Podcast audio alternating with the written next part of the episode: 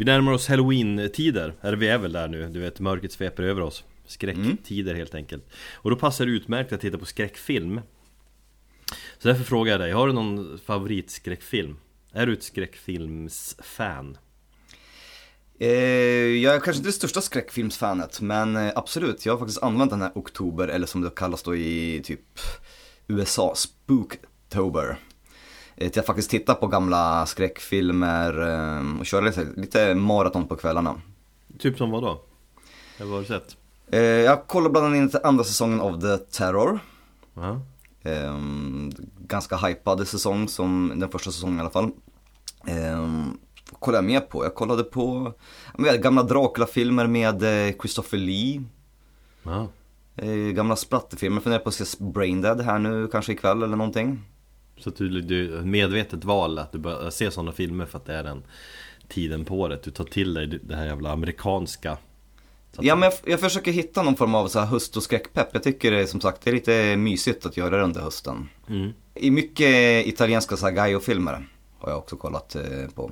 Fan du går ju verkligen all in Ja, Jag själv, jag tittar inte så ofta på skräckfilm Jag blir ju så jävla berörd som jag har sagt någon gång Men jag tänker att du bara feg. Jag är feg, men det är mycket filmer som är skit också. Eller bara har massa så här jump scares eh, och sådana effekter. Jag gillar i och för sig många klassiker. Lite mer psykologiska sådär, eller Ja, men- Exorcisten och Rosemary's absolut. Baby. The Shining. Motorsågsmassakern tycker jag är fortfarande briljant och sjuk jävla film. Men all modern skräck är ganska kass. Ja. Och, och världens bästa film genom tiderna, Alien Om man ska kasta in, det är väl någon typ av science fiction skräck va? Ja det är det. Ja den är fan, den är sjukt bra. Eller värsta upplevelsen Eller bästa upplevelsen, beroende på hur man ser på det Det var när jag såg The Ring på bio, Hollywood-versionen När kan det vara? 2003 eller något sånt där Yes, jag tänkte precis säga det. Det är faktiskt den filmen som har skrämt mig mest. Jag tycker faktiskt den är jävligt bra om man nu ska jämföra med originalet. För det var en amerikansk version alltså. Ja Ja, det, det har fortfarande lämnat ett R någonstans i, i min lilla själ Helvete vad förstörd jag var efter Den- Just det där att den bröt mot alla alla regler på något sätt som man var van med. Just när hon hoppade ut genom tvn bara, så där, för oss, så där kan man ju inte göra. Eller som att man inte ens kunde vara safe på dagen. Det är alltid när jag varit, när jag har sett skräckfilmer på bio tycker jag är påfrestande men När det är dagtid liksom i filmen, då är man ju liksom cool och bara ah, vad skönt det är. Så blir det mörkt och så känner man ah, nu blir det jobbigt igen. Men i den filmen hände ju hemskheter hela tiden. Bra, då tog vi oss igenom det. Nu lämnar vi filmen och in i musiken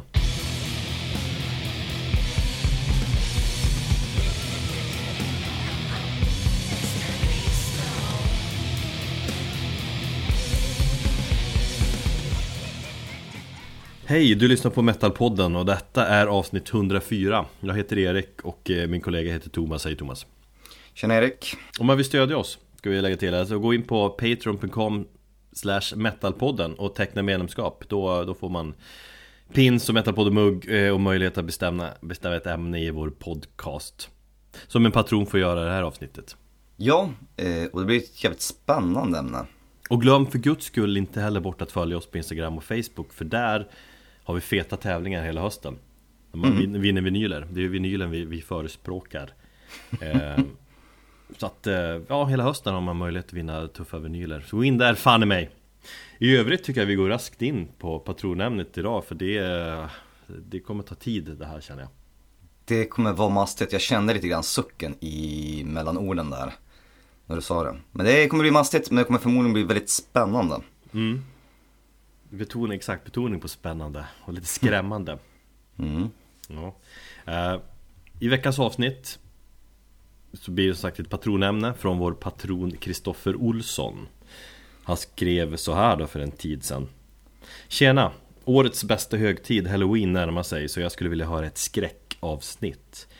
Vilken vinkel ni tar upp är upp till er, men jag gillar när ni gör varsin, varsina topp 5-listor så kanske era fem favorithårdrockslåtar med skräcktema. Så skrev han och så då tänkte jag först när jag läste det Fan vad spännande ämne och roligt Eller hur? Man tänkte så först Ja, jag gick ju igång på det. Vi båda gick igång på det. Och sen börjar man fundera på det och så kommer man fram till att det är ett eh, ganska svårt ämne ändå Vi får ju ganska fria tyglar egentligen när han skriver När han skriver sådär vilken vinkel ni vill ta upp är upp till er Eh, Så vi har ju funderat lite mm. eller mycket, och messat varandra under veckan som varit. Ganska ovanligt hög frekvent på, på, på meddelanden till varandra den här gången känns som. ja men vi har väl båda kommit överens, eller vi har ju båda varit lite lost i det här ämnet. Bara för att vi insåg att det är ju så jävla stort. Ja, jag gillar att du, du skriver typ på dagarna eh, till mig och sen svarar jag sent på kvällarna. Eller när jag sitter på pendeln, så vi är liksom ur synk sådär också. Men, eh, ja. Du jobbar ju mer på kvällar och jag jobbar ju mer på, på förmiddagar. Ja, typ så. Mm. Eh, nej, vi är fan helt lost har vi varit ett tag, eller jag vet inte. Det känns som att eh, frustrationen har mest varit från din sida i alla fall.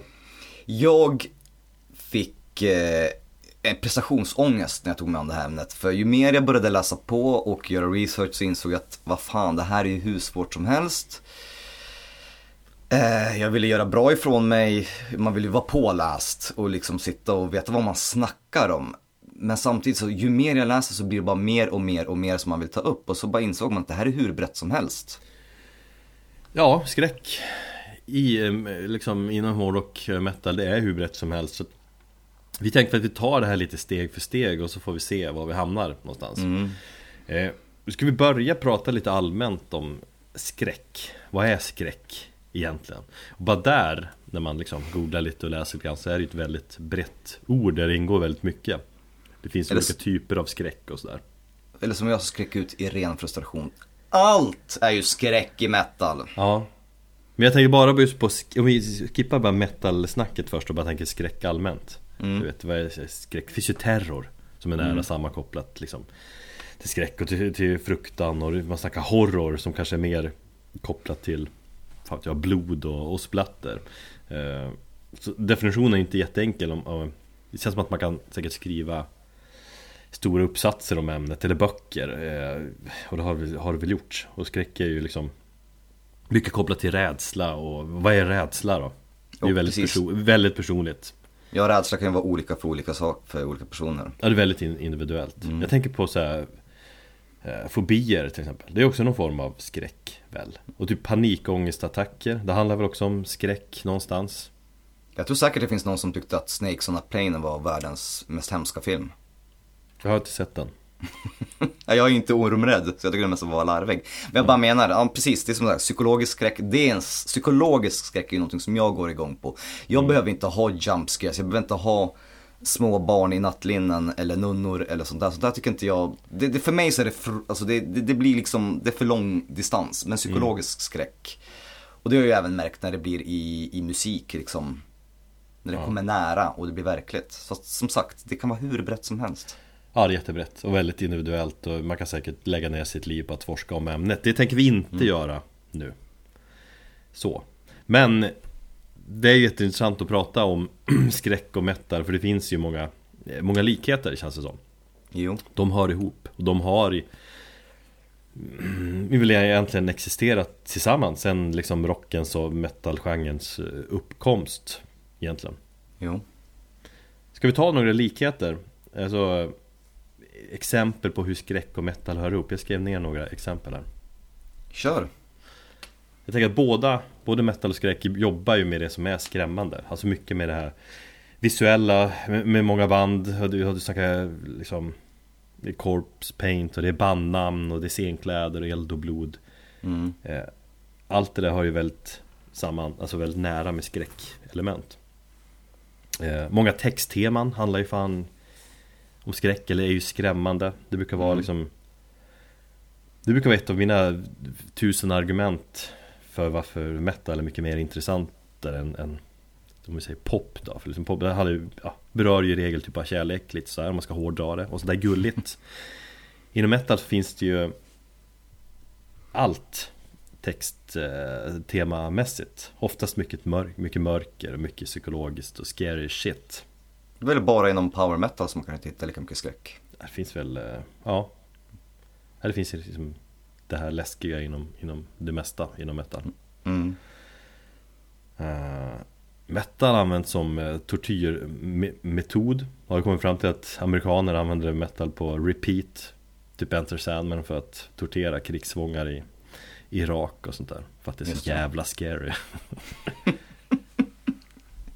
Jag skulle också må jävligt dåligt med torterad med Enter Sandman, mest bara för att få höra en ganska så uttjatad låt. Ja, det är väl snarare det man tänker då men Men det har ju kommit fram till att, ja, Metallica har de kört och sånt där eh, Metal är väldigt vanligt som eh, soundtrack i, i eh, skräckfilmer eh, Mm. I alla fall så här nyare, på, på 00-talet känns det som du vet, Jag tycker, fakt- ja, jag tycker faktiskt eh, metal och skräckfilm, eller metal allmänt i, i, i thrillers och sånt där har fått ett jävla uppsving på sistone. Jag tycker man märker det mer och mer. Ja, jag, jag, tänker, jag tänker framförallt på 00-talet, alltså någon nyinspelning på Motorsågsmassakern med en massa metal. Det var ju en Halloween-film. Eh, Första, eller typ alla Resident Evil-filmer är väl mycket Marilyn Manson gjorde väl soundtracket till första Resident Evil och sånt där. Mm. Eh, The Crow, som kom 94 Just ja. och sådär. Jag vet inte hur skräck den filmen är, ja men delvis lite skräckig så här. Eh, Nej men sen, eh, sen skrattade jag åt ett av dina så här frustrationsmäss där när under veckan då du skrev som sagt att Jag skrev i versaler att Allt är för fan skräck i metal. Och att du Mm. hade kört fast. Jag hade kört fast för jag visste inte riktigt vart vi skulle avgränsa oss. Ja. Och så är det ju, det känns som att skräck finns fan inom nästan all metal. Jag tänker, om vi tar två exempel då på de kanske två största banden. Mm. inom hårdrock eh, Iron Maiden, de är ju Fan de är ju till och med döpt efter en, en brutal eh, avrättningsmetod eller vad man ska säga En tortyrmetod ja. Mm. Ja eh, Ja de har ju många låtar som helst men till exempel en låt när man sjunger om det hemska med, med mörkret i Fear of the Dark till exempel Mm. eh, Eller världens största hårdrocksband Metallica då, som har De har ju texter som på många sätt berör skräck eh, Sanitarium till exempel, typ om en man som eh, Blir inlåst på någon psykavdelning fast man inte Just är galen typ Eller vad det nu handlar om Eller fan, låten One till exempel så, Ja, det var precis den jag tänkte på också. Den är ju så jävla scary och fucked up Mm. Och den känns ju mer så verklighetstrogen i och med att det är liksom nära krig och, och, och så. Och, och effekten av krig på en människas psykologiska liksom bit. Ja Så det finns många likheter Så är det verkligen Men eh, det är ju väldigt brett som sagt. Och det är väl det vi har haft har, brottats med under veckan här. Eh, så därför tänkte vi att Ja, vi, kommer säkert vara jävligt oense också under det här avsnittet. Jag vet inte, vi har inte så mycket pratat igenom så mycket Men vi har väl tänkt Som jag ser det i alla fall, att försöka avgränsa oss på något jävla vänster. Och då tänker jag att vi försöker hålla oss till skräckrocken. Alltså på, som på engelska heter Shock Rock då. Mm. Och redan här tycker jag att man har ju en eh, liksom definitions... Det blir fel i själva definitionen. För jag menar, shockrock är ju chockrock. Och chocka kommer på olika sätt, inte bara... Jag tänker på, vi har ju pratat väldigt mycket om att ha med Gigi Allen i det här avsnittet. Han tillhör ju inte så mycket skräckrocken, för översätter du chockrock till svenska så, vad man säger väl i Sverige, eh, skräckrock. Men chockrock är ju mer chockrock. Det är ju egentligen två skilda grejer när man översätter och kör det på svenska. Ja, alltså jag. rent synonymmässigt om jag för skräck Vad det betyder och att, att chocka, chockera liksom Mm. Eh, Men det blir ju i och med att vi sätter lika med tecken mellan skräckrock och chockrock, chockrock för att Definitionen är väl ganska lika Men det beror ju på lite hur man eh, Ja, Men hur man definierar ja. Ja, men till exempel så tycker jag just en person som Gigi Allen kanske funkar i benämningen shock rock, men den funkar inte i den svenska benämningen skräckrock. Mm, Han smet ju sig med bajs och, och, och klådde upp publiken. Han gjorde inte så mycket halshuggningar eller körde någon form av ockulta teman. Så ser du, det, det är den där definitionsfrågan som jag har haft svårt. Vart ska man liksom, vart ska man sätta gränsen? Ja, exakt, den är svår Men vi tänker i alla fall, det är ändå band som på något vis berörs av den här äh, genren Och det finns väl vissa gränsfall Jag köper att J.J. Allen är verkligen ett gränsfall kanske Så vi skippar att prata om honom Nu har vi ändå pratat om honom, nu du fått säga bajs och så här. Eh, Men om man pratar om definitionen på skräck slash chock, rock då Fan chock, vet du vad jag direkt associerar till när jag hör ordet chock? Nej, Shock to the system Du vet Oh. låten Shock med Fear Factory Fan det är också Det är också skräckmetal deluxe ju Sjunger om hur robotarna tar över och utrotar mänskligheten typ. Det är också skräck. Ja, på, ett, Allt. på, något, på något sätt. På något sätt, allt är skräck i metal. Men eh, okej, definitionen på... Eh, fan jag känner att min hjärna fungerar helt annorlunda nu för övrigt också. För att vi spelar in det på lunchtiden måndag. Ja för att du kör, exakt, det är lunch här. Eh, Istället för att spela in klockan 10, halv 11 på en kväll då man är helt död Jag känner min hjärna fungerar snabbare, processorn fungerar snabbare just nu Ja. Känner inte du det? Jag är betydligt mer piggare nu ja, än vad jag brukar vara. Ja Det är härligt Mm. Definition på skräckrock eh, Det är musik som eh, på olika sätt eh, använder sig av eh, skräckfilmsgenrens knep liksom för att skrämmas Oftast handlar det om det visuella, alltså Mm. Man snackar kanske fejkar avrättningar på scenen eller blod och så vidare. Dock vad jag tror är viktigt att liksom påpeka är att chockrock Hur säger jag chockrock på svenska, inte skräckrock Men, men det, det, är inte, det är inte en musikalisk genre i sig Utan det handlar mer om temat och det visuella och scenshowerna. Alltså mer om hur man chockerar i de faktorerna än vilken typ av rock och metal som spelas i grunden. Mm. Och man kan ju som sagt chockera på lite olika sätt. Men vi har ju försökt att avgränsa oss någonstans till just, ja men som du säger, det visuella och, de, och, och liknande band. Ja, nej men exakt, man kan chockera på alla möjliga olika sätt Det kan vara Det kan vara helt våldsamt och att man provocerar Men det handlar- kan ju vara mycket om så här kostymer och masker och måla sig på olika sätt och Visuellt att man håller på med blod eh, Eller andra effektfulla liksom Visuella tekniker Och det här har liksom tagit sig olika uttryck genom åren då. Det jag tycker är det mest fascinerande inom just den här genren, inte den här genren, men just inom, inom, Jo men det är ändå en genre som är fast, ja. Inom den här klassifi- klassificeringen, om vi säger så, Mm. är hur banden per årtionde tagit en inspiration från en eh, ja, föregångare. Jag ser verkligen när jag gjorde de här, när jag gjorde research och kollade historiskt liksom bak till 50-talet. Hur dagens band, vi kommer komma in lite grann på det här sen när vi, när vi går in på själva årtalen, hur dagens band har tagit inspiration av någon som var för 10, 20 eller 30 år sedan. Och hur allting liksom flyter ihop. Och utan, vi hade inte haft black metal utan eh, Merciful Fate. Vi hade inte haft Merciful Fate om vi inte hade haft för Alice Cooper. Vi hade inte haft Alice Cooper för någonting. Hur liksom, hur det går hand i hand allting. Ja.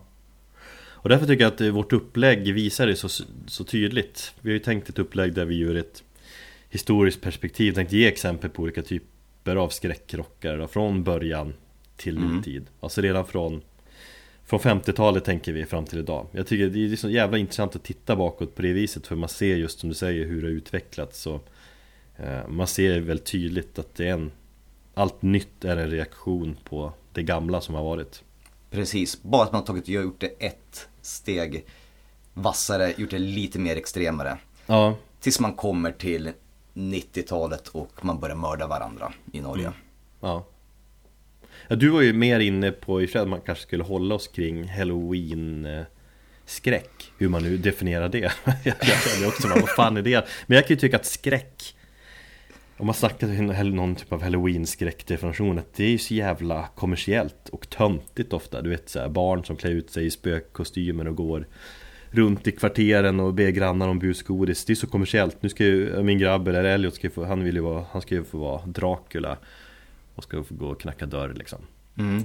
Eh, Det är kommersiellt och ofarligt. Eller liksom hur vuxna klär ut sig Som jag pratade om någon gång. För många känns, känns som- Tjejer känns snarare som att de Det handlar om att klä sig porrigt och, och så ska man käka någon blodtablett Måste blöda i munnen och smacka upp en selfie på Insta liksom. Ja.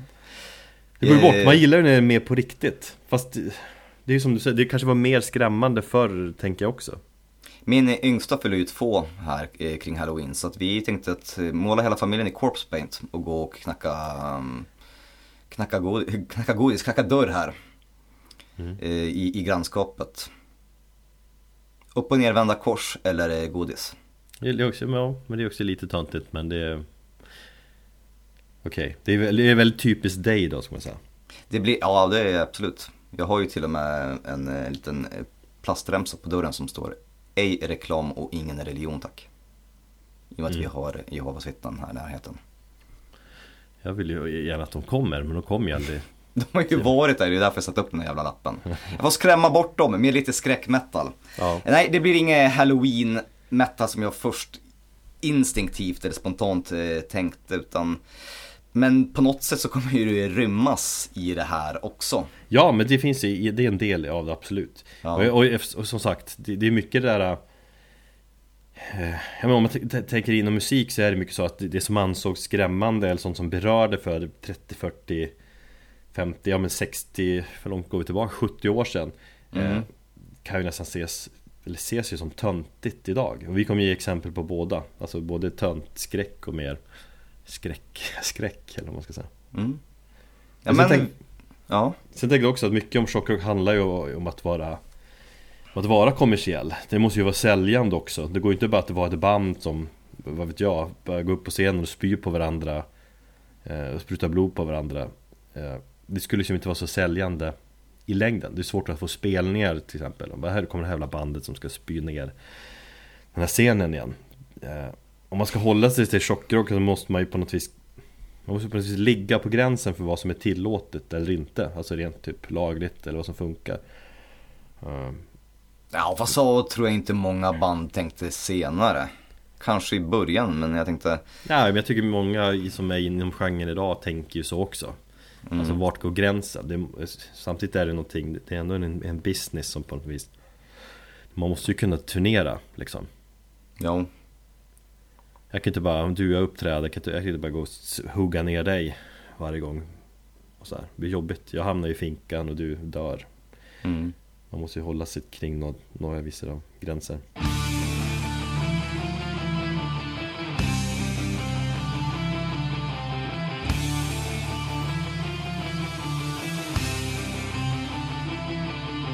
Men eh, vi börjar i, i början helt enkelt. Och det tidigaste som vi har hittat så finns det säkert eh, någon nå- ytterligare spår längre bak i tiden som skräck har liksom funnits i, i musiken. Men om man börjar på rocket så är det ju 50-talet. Mm.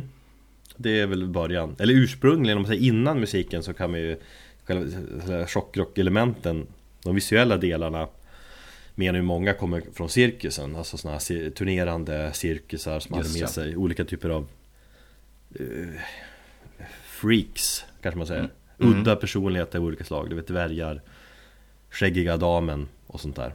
Just Folk, det. folk kunde, göra, kunde göra lite läskiga saker som folk gick dit och Titta vad fan det här är konstigt och knäppt. Eh, Alltså hela grunden till att det är ett intresse där med skräck och, och att kunna chockera och provocera är väl helt enkelt att människan vill ha någon form av Fan lite spänning i livet tänker jag. Få Jo. lite rysningar typ, känna att man, man lever Och sen när man kopplar skräck till musik så Menar många liksom att det börjar någonstans där vid, vid 50-talet och kanske 50-talsrocken överhuvudtaget. Alltså snubbar som Elvis som kom fram och vickade på höfterna alltså, och inbjöd till liksom Sexuell frigjordhet. Jo. och det, och det kunde ju liksom leda till att vad Fan det här hela samhället kommer ju falla samman på grund av jävla Elvis. Eller Little Richard som, som tog på, han var ju ännu tidigare. Han tog på sig smink Sånt sysslar ju fan kvinnor med Alltså Transsmink liksom Han var, fan, det, han är ju Fattar han var, han var transa liksom och Gay eh, Och svart på 50-talet Måste varit så jävla provocerande Absolut. och ballt. Men när man googlar eh, chock, rock och läser lite eller ser någon dokumentär eller liknande så är det ju en artist som kommer upp Framförallt som anses så många som är väldigt tidig pionjär inom skräckrocken och det är ju Screaming Jay Hawkins. Mm. eh, Som är allmänt jävligt intressant snubbe. Föddes 1929, blev adopterad av en indianfamilj. Eh, Klassiskt skolad i piano och gitarr, han gjorde- militärtjänst, han var en bra bo- boxare. Eh, Hade solokarriär som han Som han utvecklade väldigt tidigt liksom Gjorde liksom visuellt eh, Väldigt annorlunda jämfört med, med många andra Han blev ju framförallt mer känd som liveartist än som liksom recording artist. Han hade ju inte så mycket kommersiell, kommersiellt, kommersiell succé. Nej, han har väl känt att han ville väl vara mer vanlig klassisk Men han, han var väl kanske inte lika bra som de andra Nej, precis. konkurrenterna Så han hittar ju sin liksom Sin udda visuella grej Som han brukar anlända på scenen från en, en kista som Bars i en eh, hade två horn i näsan. Hade en Mm. dödskalle på scenen som han kallade Henry. Som han typ eldar upp. Och det var mycket voodoo-snack. Och han hade leopard och guldkostymer och allmänt liksom märklig. Och det kan man ju absolut förstå att det här var provocerande. Som fan på den tiden, 50-talet och och framåt. Men sen var han, han var gift sex gånger. Han, hade, han påstår själv att han ha, hade 75 barn. som han lämnade. Vilket är sjukt eftersom Ja, var många som inte visste om, eller efter hans död så har han hade någon, någon vän som hade satt upp någon hemsida för att liksom försöka hitta alla hans barn. Mm. Och de har lyckats identifiera 33 barn i alla fall. Mm. Så att han, ja Åkte omkring där på 50-60-talet i USA och Körde voodoo och rock och ja, gjorde annat Men sen är han väl mest känd för låten I put a spell on you Som alla möjliga band har gjort en cover på Eh, Men originalet är ju bäst och fascinerande Det går ju mycket rykten om den inspelningen Men hela bandet ska ju varit fulla som fan i studion och man hör det verkligen under inspelningen också, alltså hur han grymtar och han skriker och alltså, det är jävligt bra Precis, man får ta och lyssna på den eh, osensurerade eller den, den opolerade versionen för att eh, skivbolaget gick ju in och krävde en ny inspelning av den sen. Ja, och han ska liksom ha däckat där i, i studion till slut Mm. och så minns han inte att han spelar in det så Dagen efter, oj, ja det här blev ju ganska Han går udda in dyngrak i en studio på 50-talet och spelar in musik. Det kändes inte som att det var så, så vanligt. Nej, Scream Jay Hawkins, han är ju the shit Så att vi, vi inleder med att lyssna på I put a spell on you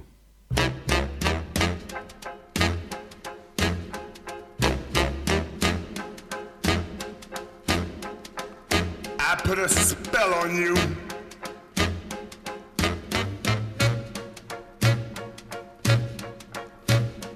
is mine.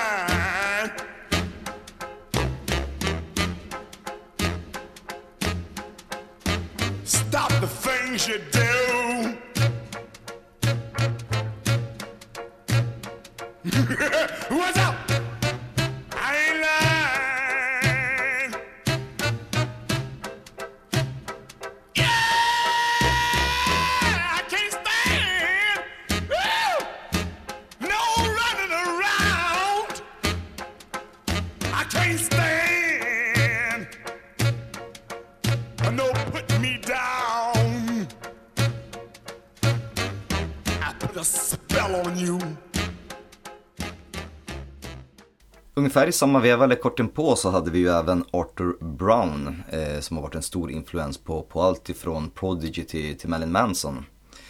Ehm, och han tog väl lite grann av just Screaming Jay Hawkins koncept lite vidare. Han, gick Han var ju, han var ju britt också ska man ju tillägga Precis. Eh, han blev ju, hans karriär inom chockrocken var väl kanske inte lika lång som senare grejer han gjorde. Han hade ju jättemycket samarbeten med Hawkwind och Yes och Genesis och, inom, och är ganska stor inom proggvärlden. Vad jag förstått. Men han hade, en, han hade en, ändå en sån, någon form av början och då var det just inom chockrocken att han, hans liveshower i, i, gick ut på att han gick ut med eh, brinnande huvudbonader. Och det hände ju ett och annat missöde på scenen. Till och med till och med under någon sån här återföreningsgig som han gjorde på, på tidigt två, eller om det var 2013 eller någonting. Som också gick ut med, med eh, en huvudbonad och började hans ansikte brinna. Så att, eh, ja, han var, han var vågad. Eh, och han är ju superkänd för just den här samplingen som typ miljarder band har använt. I am the God of Hellfire. Som börjar eh, på låten just Fire då, som är hans kända hit. Och det var ju precis som med, med Scream J. Hawkins där, att han hade också ganska så, så begränsad eh, kommersiell framgång med, med singlar och musiken på skivan, att han var så större som liveartist. Ja, och han har haft jävla influens på flera band Alltså Kiss och Alice Cooper och Ghost så var- du inne på Ja, precis. Eh, En snubbe som Bruce Dickinson har ju erkänt att han har typ snott hela sångstilen från Arthur Brown i hemlighet sådär Mm. Så att, Ja, eh, alltså eh, Marilyn Manson är ju superinfluerad av honom. Mm. Jag vet att Corey Taylor har också sagt att han är en stor influens på, på hur, hur Slipknot eh, byggde sina masker. Mm. Och sådär, så att man, man märker redan här hur, hur liksom långt bak i tiden det går. Ja Och sen just den här samplingen då som är så otroligt känd och finns inom väldigt många um, hårdrockslåtar och, och allt möjligt. I am the god of hellfire, and I bring you fire.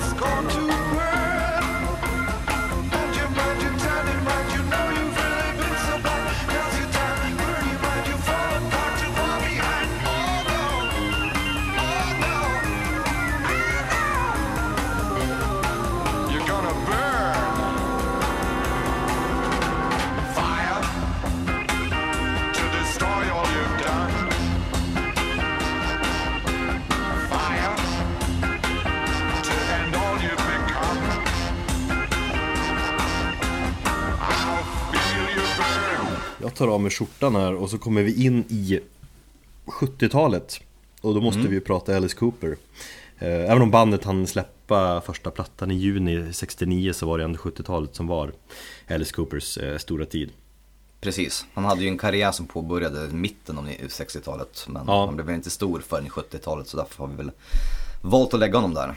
Jo, och han sägs ju vara den första som på riktigt liksom lyckades kombinera shockrock och eh, metal och kallas det the grandfather of shockrock i, i många fall. Då fick ju liksom en, en eh, säga, raketkarriär in i att de var ett chockerande band på grund av den här beryktade kycklingincidenten. Känner du till den? Eh, friska upp mitt minne.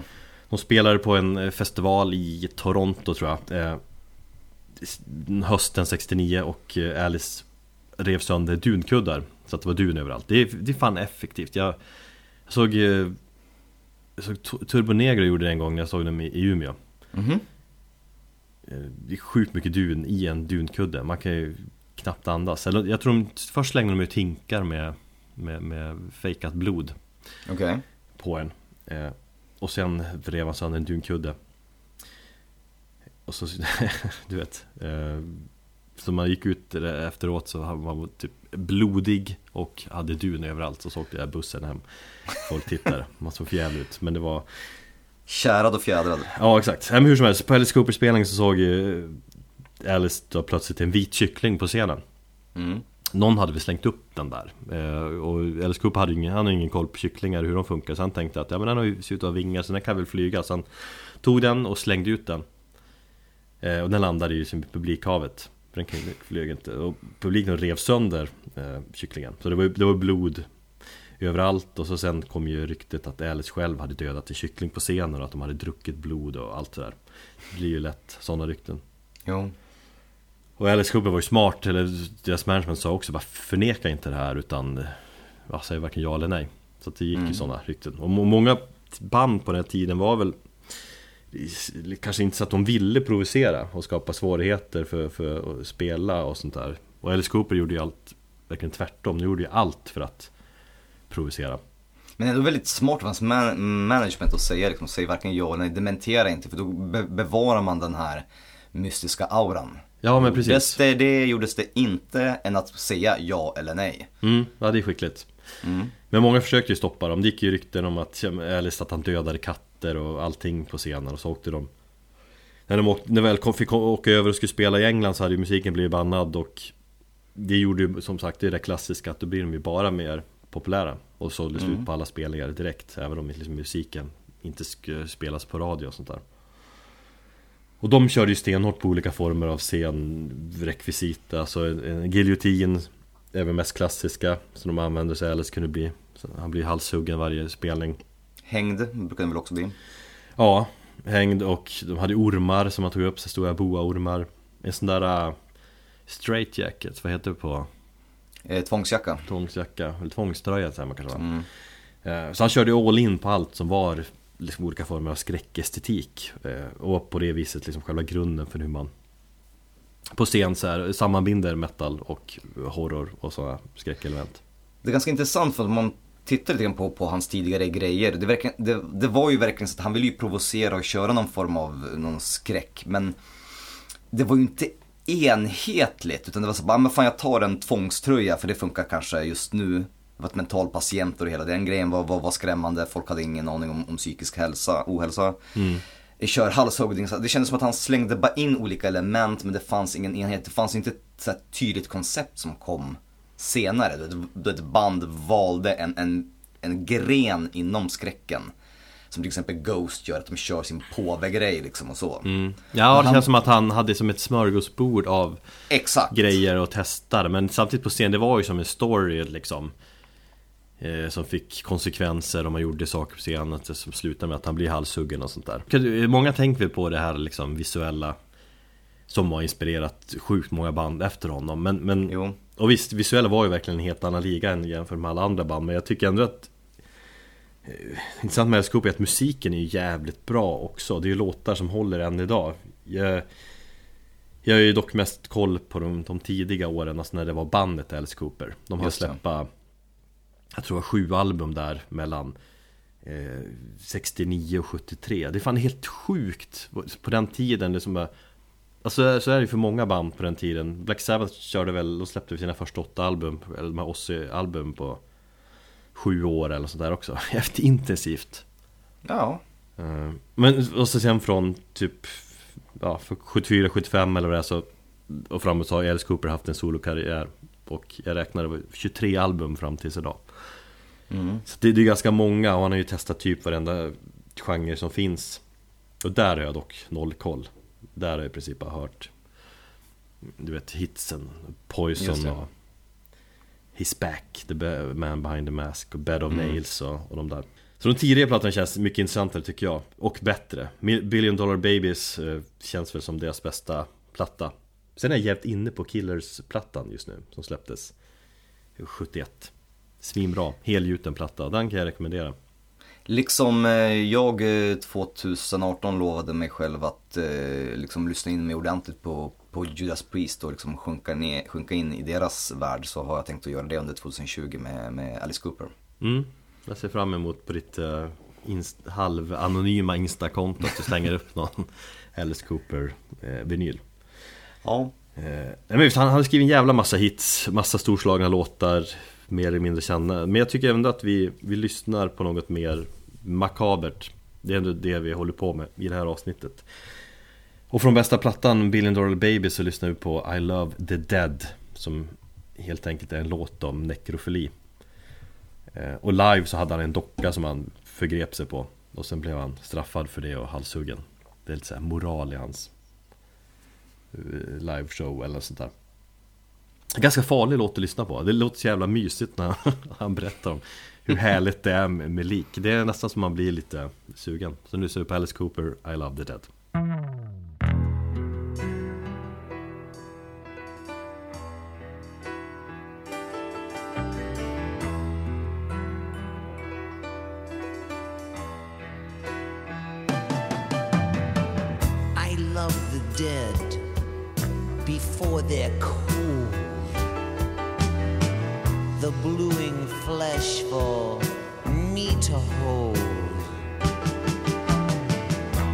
Cadaver eyes upon me see nothing.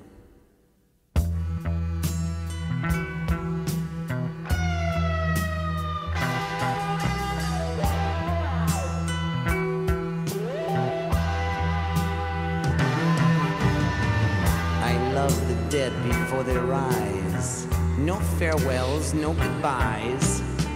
I never even knew rotting face. While friends and lovers mourn your silly grave, I have other uses for you, darling.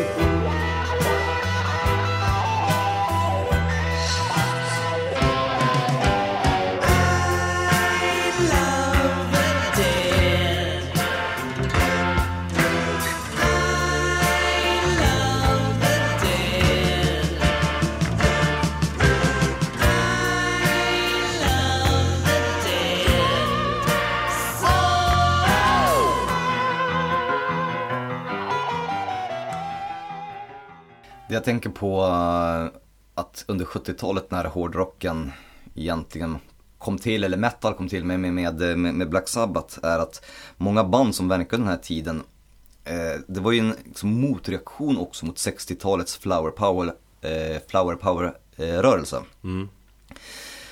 Black Sabbath också har ju själv sagt att de startade ju Black Sabbath som en motreaktion mot den här 60-talet. För de var liksom ett gäng från, från Birmingham eh, och bara här är bara grått trist, det finns ingen jävla flower power liksom. Nej. Ehm, och eh, nästa band som jag tänkte på, vi ska inte gå in på, på Black Sabbath, men eh, vi, Vi kan väl nämna dem lite grann, tyckte det är, jag vet vi tog nästan bort dem men Just om man alltså, kollar på mer renodlad metal då liksom jämfört med Alice Cooper som är mer, mer, mer rock så, här, så är det ju ganska passande Att det, det, det, det, det skrämmande elementet i metal och skräck, det finns med verkligen redan från allra första början från metals födelse och, och då tänker jag ju såklart på låten då Black Sabbath med bandet Black Sabbath från albumet Black Sabbath Alltså världens första domlåt Mörk och satanisk Om någon snubbe Som är fast i någon jävla ritual och ska offras typ Fan, det är Ja, men det- när- när man episk. ja. När man tittar på det det sättet och, och så hör de absolut hemma någon form i skräckrocken. Men i just avväsningssyfte så valde vi kanske att inte ta upp dem på samma sätt. Men det är fortfarande en jävligt läskig låt tycker jag idag när man lyssnar på det, För den är så jävla klassisk och det är svårt att definiera så Men de bara, alltså, rakt upp och ner är det ju scary. Djävulstonerna. Ja Men vi ska istället gå till Italien och prata om eh, bandet Death SS som har pionjärer inom lite allt möjligt. Bland annat spelar de någon form av proto-metal och de har väl också någon form av pionjärer när det kom till, till sminkning och som senare kom att bli ehm, eh, corpse paint så som vi känner den inom black metal. Även om liksom corpse paint fanns tidigare med, med Alice Cooper och, och, och Screaming Jay Hawkins och så. mm. Death SS är, har ingenting att göra med, med, med Nazityskland utan eh, SS står för Steve Sylvester. Så bandet, det är en förkortning av eh, hela namnet då, Death of Steve Sylvester. Men är det, Bild- måste ju ändå vara en flört med det Alltså så här provocerings Absolut, Teknik. det tror, jag, det tror jag säkert eh, det är det faktiskt. Bildades 77 i Italien men släppte inte, förrän, släppte inte några demos och EPs och något riktigt material förrän tidigt 80-tal. Eh, Medlemmarna var ju, eller musikerna i bandet, två av dem var grundmedlemmarna alltså. Var medlemmar i eh, Ordi, Ordo Templi Orienti, det är själva drakorden som var väldigt känd då för att, eller, eh, eller vad heter han, Alice Crowley var liksom huvudpersonen i, i, i den templet. Så de hade ju någon form av redan okult anknytning långt innan han kom in också. mm. Ehm, och jag menar, det är ganska kul för man, det finns en liten kort så här, fyra minuters dokumentär med, eh, med bandet på YouTube som man kan googla om du bara söker på Death SS. Och då ser man, och den, de är ju, det är ju superpretentiöst och eh, det är ju ganska löket. Men som sagt, även om det var det och även om de jobbade väldigt mycket underground och inte fick något så stort kommersiellt genomslag så, så hade de en stor påverkan. Och det finns två grejer som jag eh, framförallt har märkt eh, med Death SS. De tog ju hela sin eh, inspiration från eh, de här Hammer Production och gamla goth och skräckfilmer från 50-talet. Jag tänker på eh, Return of the 50 Foot, eller Attack of the 50 Foot Woman. Eh, och ja, de här kända 50-tals skräckfilmerna, svartvita. Mm. Och byggde vidare på det. Och det var ju mycket ockultism, skräck och eh, heavy metal som de blandade i någonting som de själva kallade för horror music. Det greppet att ta den inspiration från just 50-talsskräck är ju någonting som ja, Många band i efterhand också har, har gjort liksom Absolut. Så att de var väl först med det, det greppet egentligen då Ja. Och lyssnar man på, på, på ehm, det finns en samling som heter eh, Death SS 1977 till 1982, de första liksom demo-EP-åren liksom, så, så kan man höra att det finns lite, det är lite blandat med, med heavy metal, det är mm, någon form av proto-black finns det och, och allmänt det här själva skräcktemat. Framförallt så märkte jag under den här korta dokumentären som jag såg att eh, eh, varifrån Ghost har fått inspiration för sin sminkning. Och sen så hittade jag faktiskt en intervju för, som är ja, daterad till fyra år sedan. Där en namnlös gast då, eh, med stor sannolikhet Tobias Forge, eh, pratar om att Death SS har varit en stor influens på, på bandet just när det kommer till själva sminkningarna. Mm. Eh, tittar du på någon av de här tidigare bandbilderna så jag skulle säga att det är jättestora likheter mellan den första påven och en av medlemmarna i Death SS. Ja. Just den här svarta liksom voodoo-sminkningen kring munnen är väldigt tydlig. Eh, och även faktiskt för The Misfits. Så har vi de själva, ja, den klassiska Misfits-målningen som, som bandet kör i ansiktet fanns också. Men eh, Misfits och eh, Death SS bildades faktiskt samtidigt så att eh, jag vet inte vem som egentligen har tagit eh, inspiration från vem eller om det var någon efterapning. Men det finns i alla fall tydliga likheter med mellan i sminkningen därifrån. Ja. Så att eh, på det sättet så, så kan man ju också se hur, hur, hur ett band som har verkat på, på och verkligen haft också så här jättebegränsad kommersiell framgång men under jorden har liksom tagits upp och sen så har de ju fått en jättestor kultstatus. Ja i och med att när, när Ghost egentligen kom för, för, för 12 år sedan. Så har ju de också fått ett, liksom ett uppsving. Mm. Ja, jag har ju noll koll på dem. Ja men ja, det är faktiskt eh, ganska skön musik. Man, man kan höra, och framförallt ur ett historiskt perspektiv är det väldigt viktigt, eh, är det väldigt intressant att lyssna på dem. Vi lyssnar på låten eh, Terror med Death SS.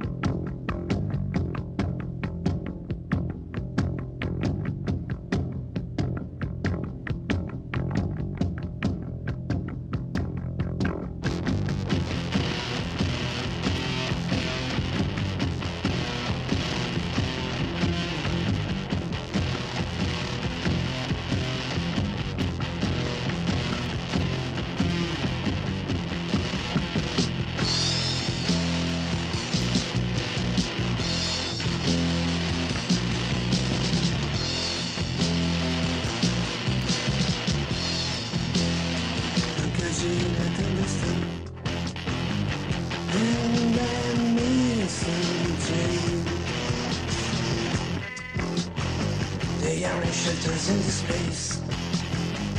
I look nice with the reviews. Into the cemetery. There seems abandoned me.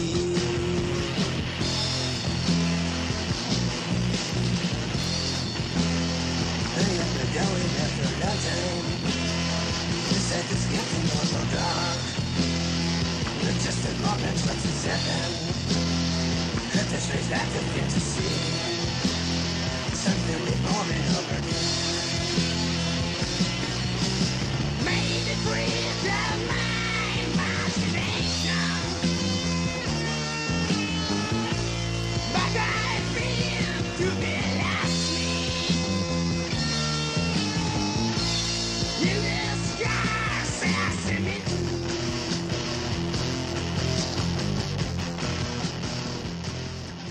När vi går vidare och kanske pratar lite Misfits så Band som jag tycker man också bör nämna lite grann på 70-talet är ju Kiss.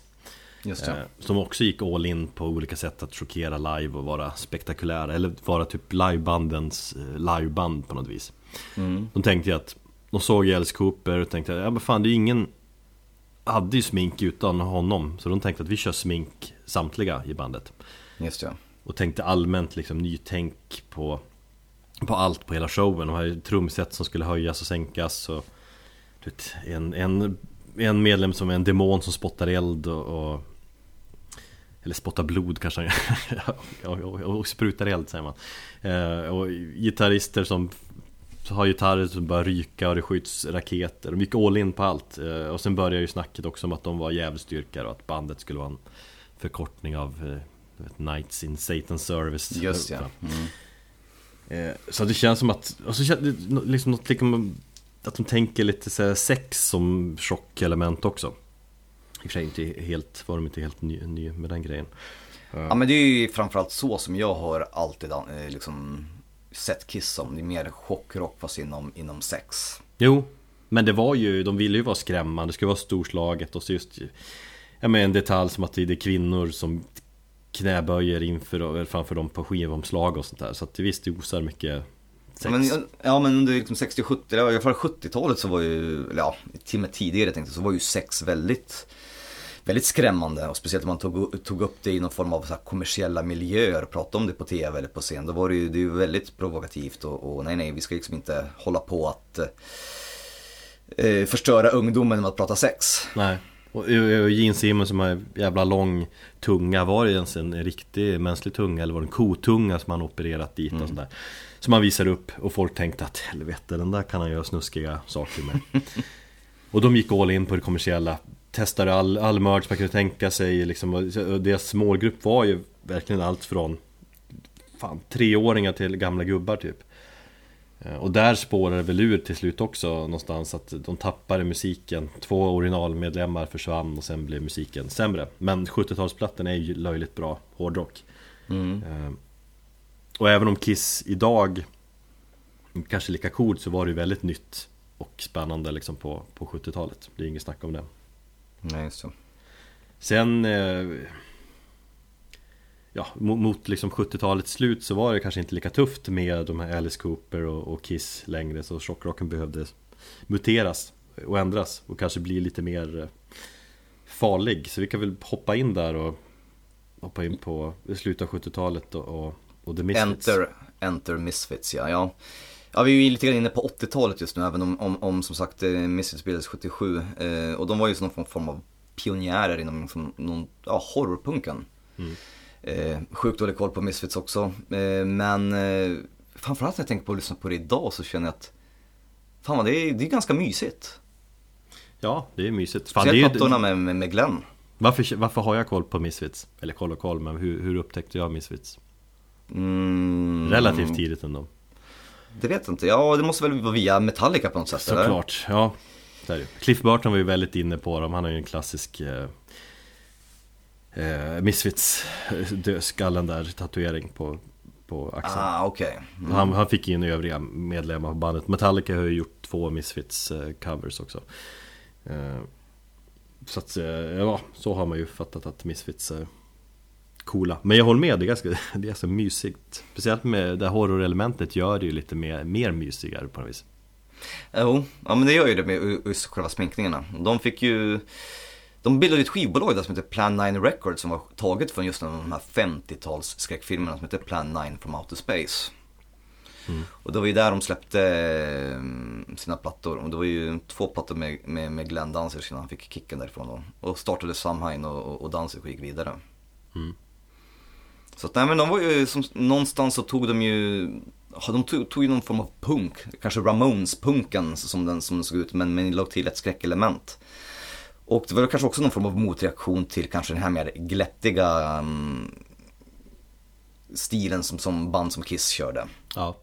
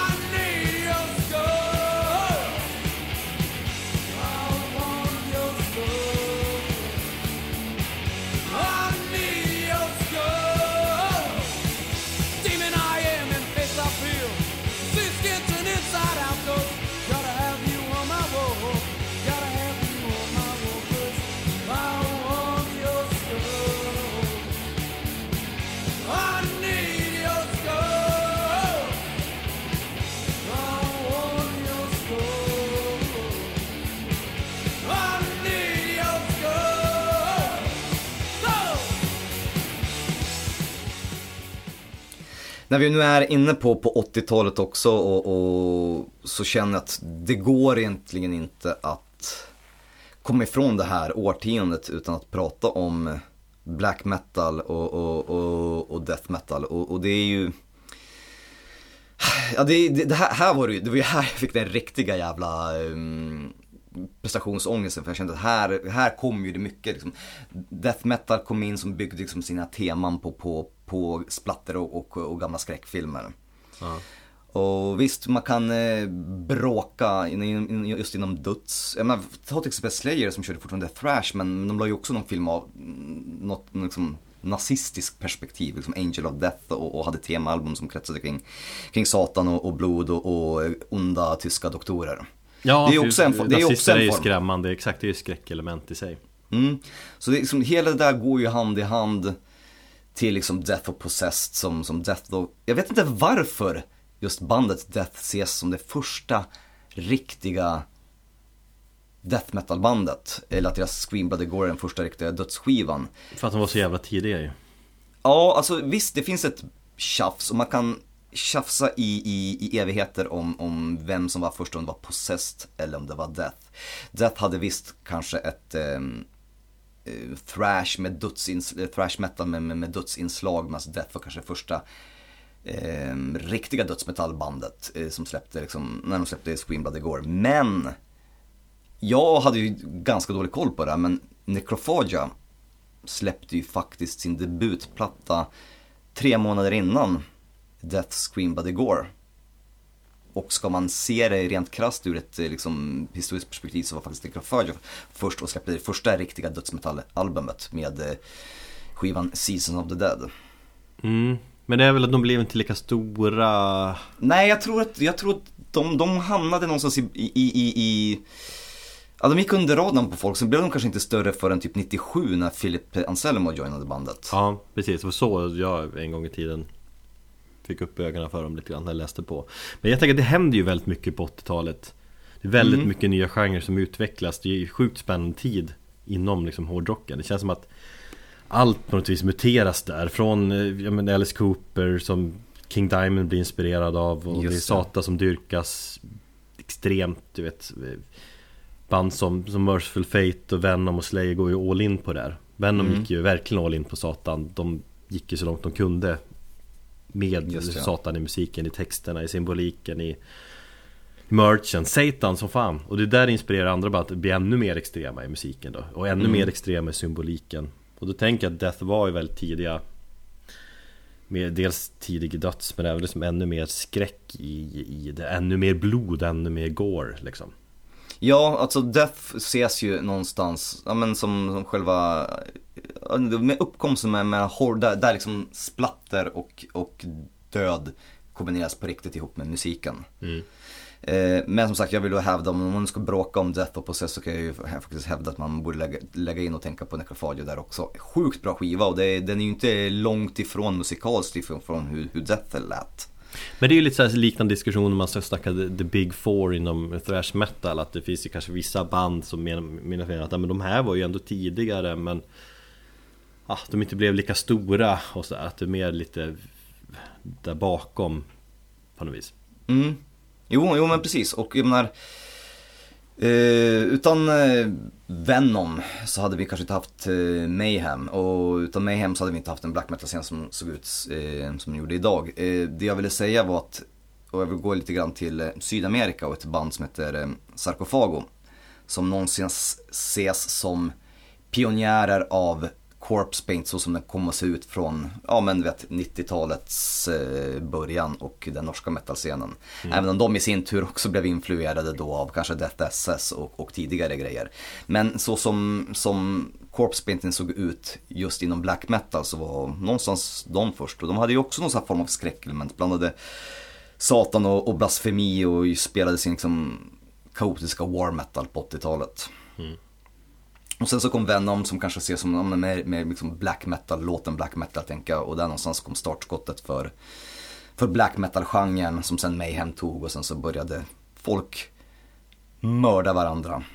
Och sen så togs det bara, all- det byggdes bara på och blev extremare och extremare och extremare. Och jag vet Tills man vad inte kunde gå mer extremt. Nej, vad är det extrema man kan komma? Det, det känner ju jag, men jag var ju fascinerad av musik. Från att upptäcka kanske Metallica och, och grungen till att så här, stegvis hitta någonting som är extrem, extrem. Och så kommer man till black metal och bara fan det här är ju på riktigt, här mördar man folk. Men Mm. det går inte att ta det längre än så. Då skulle man kanske behöva göra, ha ett band som utför massmord, vad vet jag. Mm. Vi kommer väl kanske till den diskussionen i, i slutändan. Jo. Men, men ja, det är sant. Det känns som att det är stjärnstopp där. ja, precis.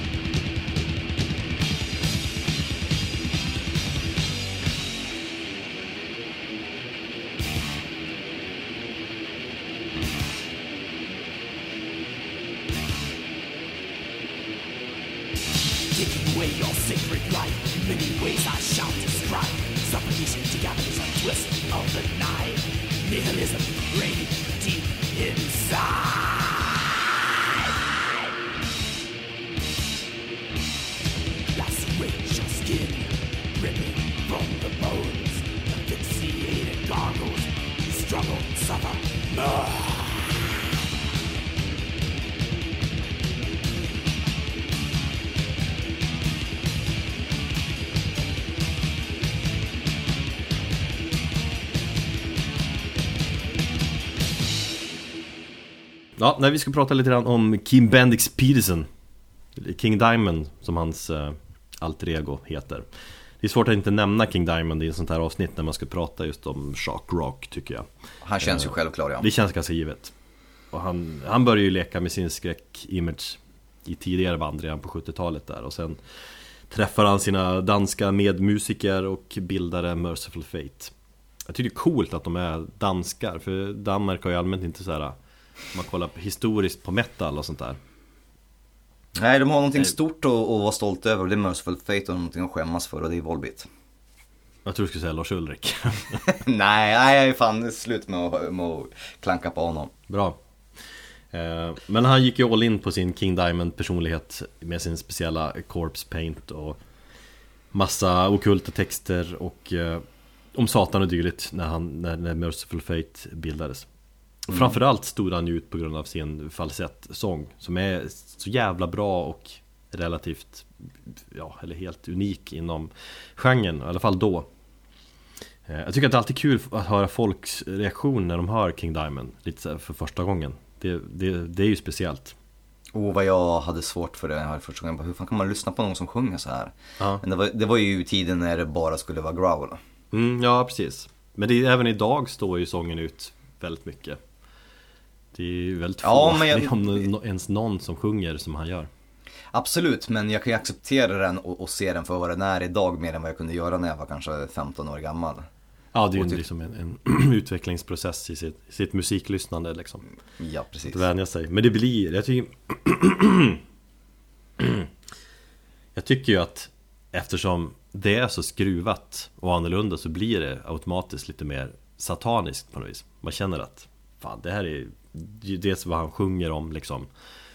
Och med den där speciella stilen så blir det bara ah, fan, det här är, det är ju ja, Kanske liksom läskigt så. Mm. Eh, Och de två första Merciful Fate-plattorna Innan de splittrades ju sen är ju klassiska och jävligt bra. Alltså Melissa och Don't Break the Oath är ju Dels räknas det ju som första vågens black metal. Framförallt mycket på grund av de här sataniska texterna och, och corpse painten Antar jag, för musikaliskt är det ju inte så mycket black egentligen Nej, Jag tycker att det är ju snarare mer det är mer klassisk liksom heavy metal och det, är mycket progressiv metal och, och typ ro- rockopera åt det hållet. Och väldigt mycket satan.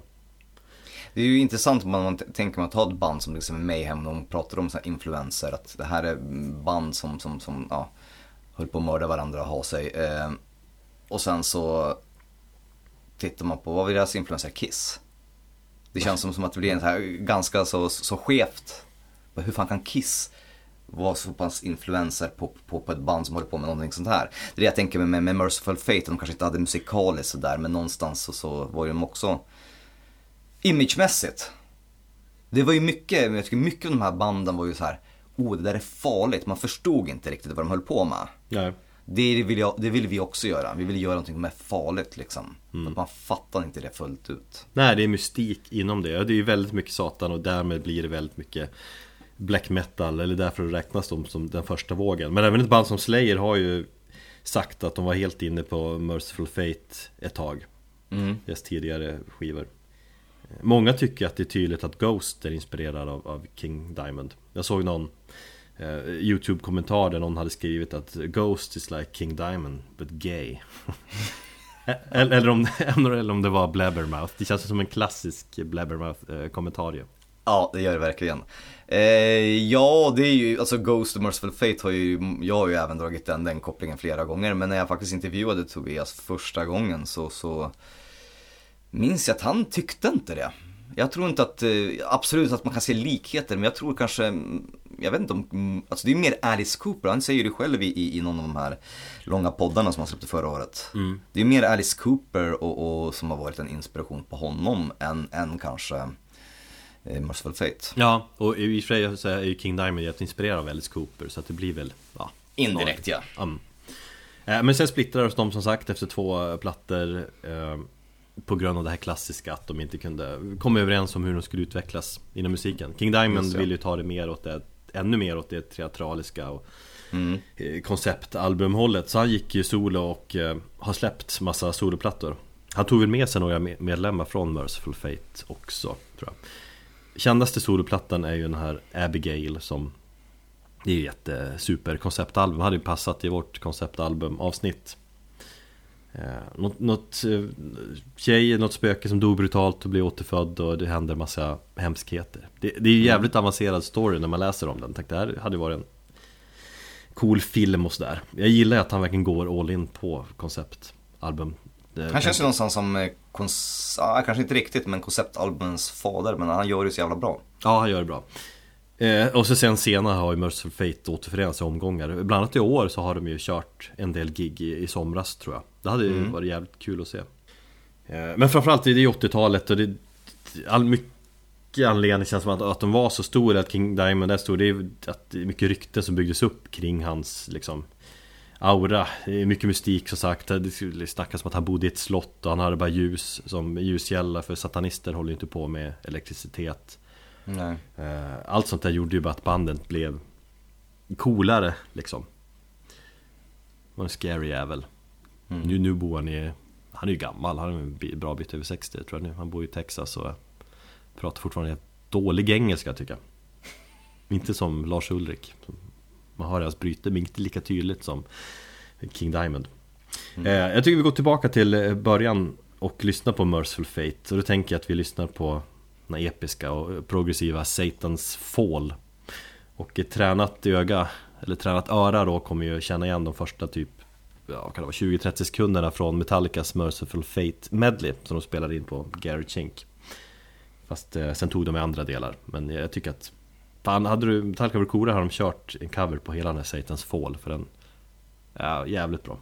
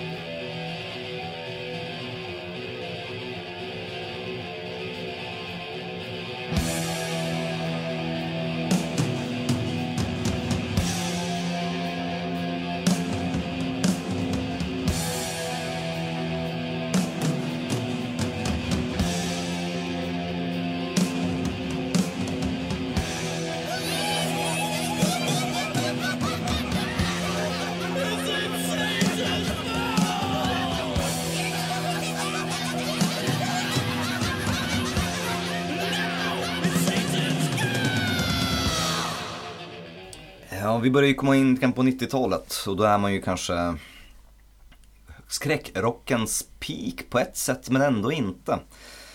Ehm, tidigt 90-tal så hade vi ju eh, black metal var ju extrem och folk tävlade om vem som kunde göra de mest eh, obscena sakerna och, och mest hemska sakerna. Och på slutet av 90-talet på andra sidan Atlanten så, så hade ju den kristna högern sin beef med, med band som White Zombie, Rob Zombie, Marilyn Manson och, ja, och även Slipknot till viss del också. Ska vi börja i Norge? Eller den andra vågen säger man väl av black metal lite grann Ja, alltså som sagt, det här har vi ju den här avgränsningsproblematiken än, att jag egentligen inte ville prata om black metal för det känns ju lite grann som att det är Det är gjort liksom, folk, folk vet det. Eh, och ja, det är ju någon form av skräckchock även om det var på riktigt. Det, det jag tänker så här att nu var inte jag med kanske i, i begynnelsen på Alice Cooper, men när folk gick på de här konserterna och de hade en hängning eller giljoti- giljotineringen så var det ju fortfarande under premissen att det var underhållning.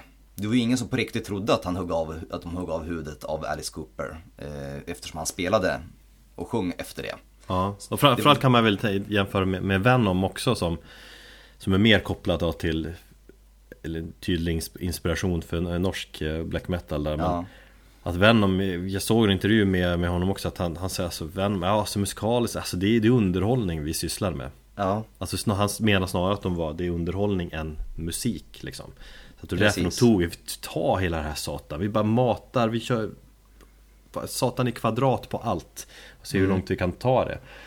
Eh, Vilket gör att, alltså, och den första vågen, det, det, det hade man Man dyrkar Satan fast kanske på ett mer Liksom symboliskt sätt, mer underhållande sätt Medan i Norge Ja. så handlar det mer om Ja det är djupare, på, på allvar än en, en eh, Ja, alltså- dyrkan liksom Ja, alltså, ja, jag tycker inte det nödvändigtvis det var djupare eller att man, man Alltså det var ju fortfarande kids som tävlade om uppmärksamhet och ville göra någonting extremt. Så jag tror inte det, fann, det fanns ju inte så jävla mycket riktig satanism i, i det, i det Eh, de höll på med.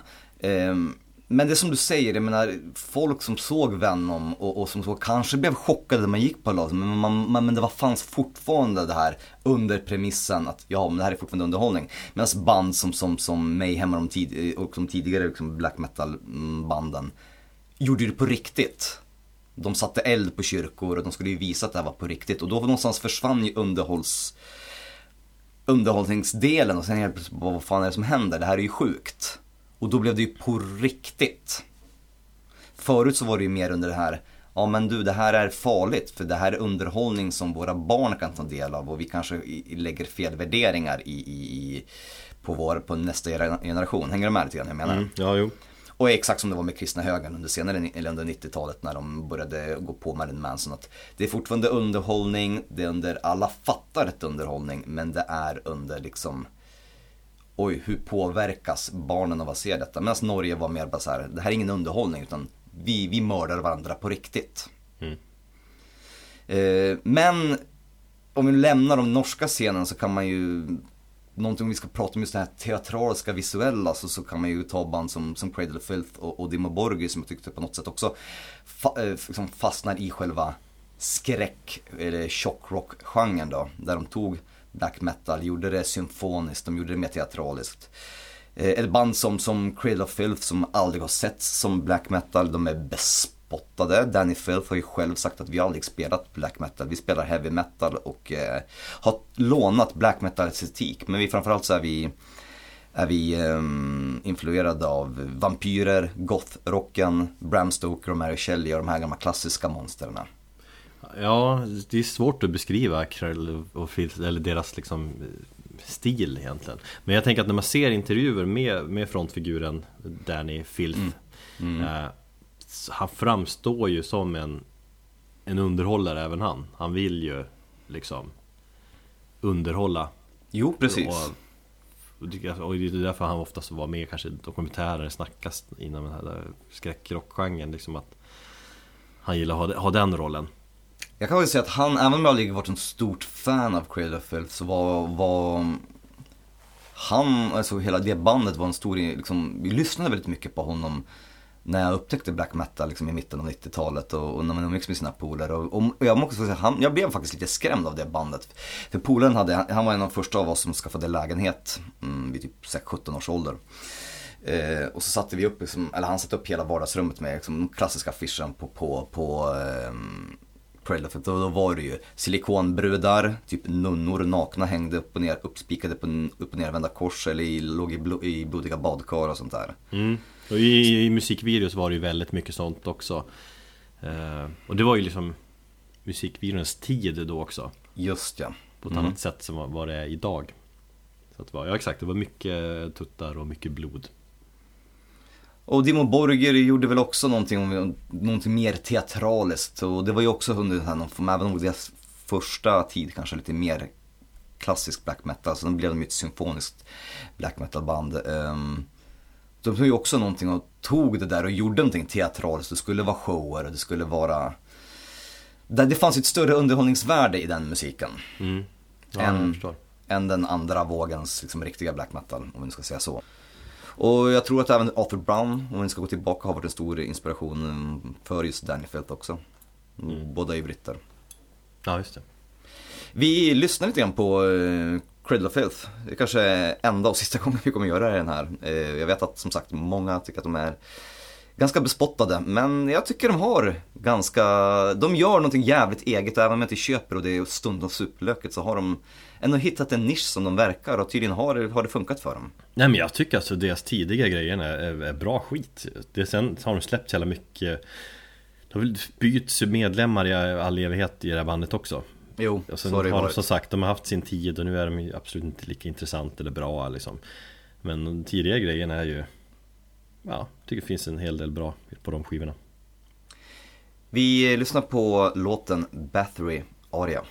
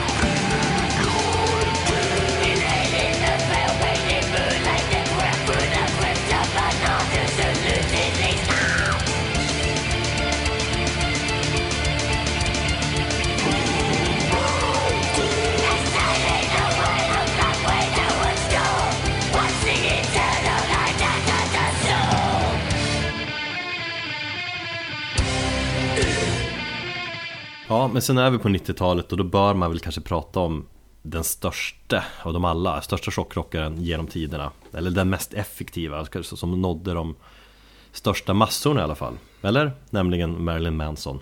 Kan man Ja, säga så? ja, jag tror väl att han, han var ju en otroligt stor där. Eh, Marilyn Manson som bildades, eller som Brian Warner heter han ju. Känns så töntigt att han heter Brian Men han gjorde ju det geniala att döpa sig efter 60-talsikonerna Fast ja, ikoner på olika sätt då, Charles Manson och Marilyn Monroe eh, Många menar ju att Marilyn Manson, han är det är liksom Det är 90-talsversioner av Alice Cooper Men jag tycker Ja. att det, Alice Cooper, han ses väl mer som charmig, i alla fall när man tittar tillbaka på den tiden nu. Eh, Och man fattar att det var tydligt hans alter ego liksom Mm. Eh, Jag håller med om, så många tycker att när, man, när- Brian Warner, när han blev, när Marilyn Manson kom så blev hela han Marilyn Manson Det är ingen som pratar om mannen bakom Nej. Så är det ju Brian och Manson var en och samma person liksom på något sätt För mig så fanns det ju ingen annan, det fanns ingen Brian. För mig så fanns det bara Marilyn Manson. Ja eh, Nu Men vet jag inte vad Alice Cooper menar- heter egentligen heller men, men, eh, men det är tydligt att det är mer liksom en, ja, ett alter ego som han kör med. Mm. Men han kom ju också, Manson, med, med en annan form av chockrock Alltså en smartare form. Han tog hela den här chockrock-grejen så långt eh, Verkligen så långt man kunde ta det utan att bli arresterad. Och det var ju skrämmande. Det var liksom det är våld och det är, är antireligion och han flörtar mycket med nazismen. Det var inget nytt heller Man vet ju hur man verkligen ska provocera Att när, när man river sönder biblar och Han har liksom ett tydligt hat mot myndigheter eller myndighetspersoner då, som personer som kontrollerar och styr. Och han lyckas ju på något vis terrorisera allt som var mainstream på 90-talet, framförallt i USA. Där blev ju, eh, vad säger man, moraltanterna blev ju galna och försökte verkligen göra allt för att stoppa honom. Det som är intressant är det här ryktet eh, som gick på skolan och säkert på din skola som säkert alla har hört att han skulle ha opererat bort um, revbenet för att kunna suga av sig själv. Och det är intressant hur, hur ett rykte startar för att eh, jag var på ett forum där man pratade väldigt mycket om, om Marilyn Manson, ja, om det var på Reddit eller någonstans. Och då var det så här, i vissa länder så var det liksom, alla visste om att USA till exempel att, eh, och i Sverige att man hade gjort det. Men så var det också någon i, i, i något mindre land i Europa som bara, nej det ryktet nådde aldrig hit. Hur liksom, hur ryktesspridningen på, på något sätt påverkade honom och få den här, eh, ja men själva mystiska auran och det, det blev liksom, det bidrog till det. Men vi, jag minns när jag hörde det, bara, för fan det är helt sjukt. Och han hade syrgastuber hemma som han typ Och sen försökte du själva, fan vadå kan man går det inte att suga av sig själv eller? Ja nej det är fascinerande, men det är sådana där, jag tänker sådana där skräck eh, Eller sådana här rykten överhuvudtaget om ett band, det är ju guld ju På Ja. samma sätt som gick rykten mot Alice Cooper dödade katter och sånt där Så Och det är ju det som är så jävla tråkigt idag när man har sociala medier och ska se varenda sekund av vad en artist gör. Ja, Så, så, så har ju det dödat mytesbildningen av en artist. internet har ju fan dödat allt Ja, det finns ingen känsla kvar längre. Nej. Eh, Ja, exakt. Samtidigt med Marilyn Manson så tycker jag att han var en ganska intelligent man. När, alltså, som framkom när han blev intervjuad. Han ville ju... Det var tydligt att han ville se liksom hur, hur, hur kunde man skrämma folk samtidigt som han, som han driver med hela, hela grejen. Mycket sån typ av skräckrock han sysslar med. Alltså han låtsas skrämma men, men driver med det hela också. Och sen var det det här med händelsen med, med Columbine-massakern i Colorado. Just ja. Då två elever sköt ihjäl en massa personer och mycket av den skulden lades på Marilyn Manson Eftersom, ja hur var det? Mördarna hade väl lyssnat på Manson och eller brukar sminka sig som honom och Citerar honom, eller något sånt där Ja, men som vanligt, det är den amerikanska högern som vill hitta en syndabock istället Ja. för att ta tag i sina egna problem på bakgården. Mm. Och det fick en del konsekvenser, dels eh, Det är ju en intressant händelse för att, för att del- Dels visar Manson upp som en, som en smartare och intelligentare sida Han var ju med i dokumentären eh, heter Bowling for, for Columbine där eh, mm.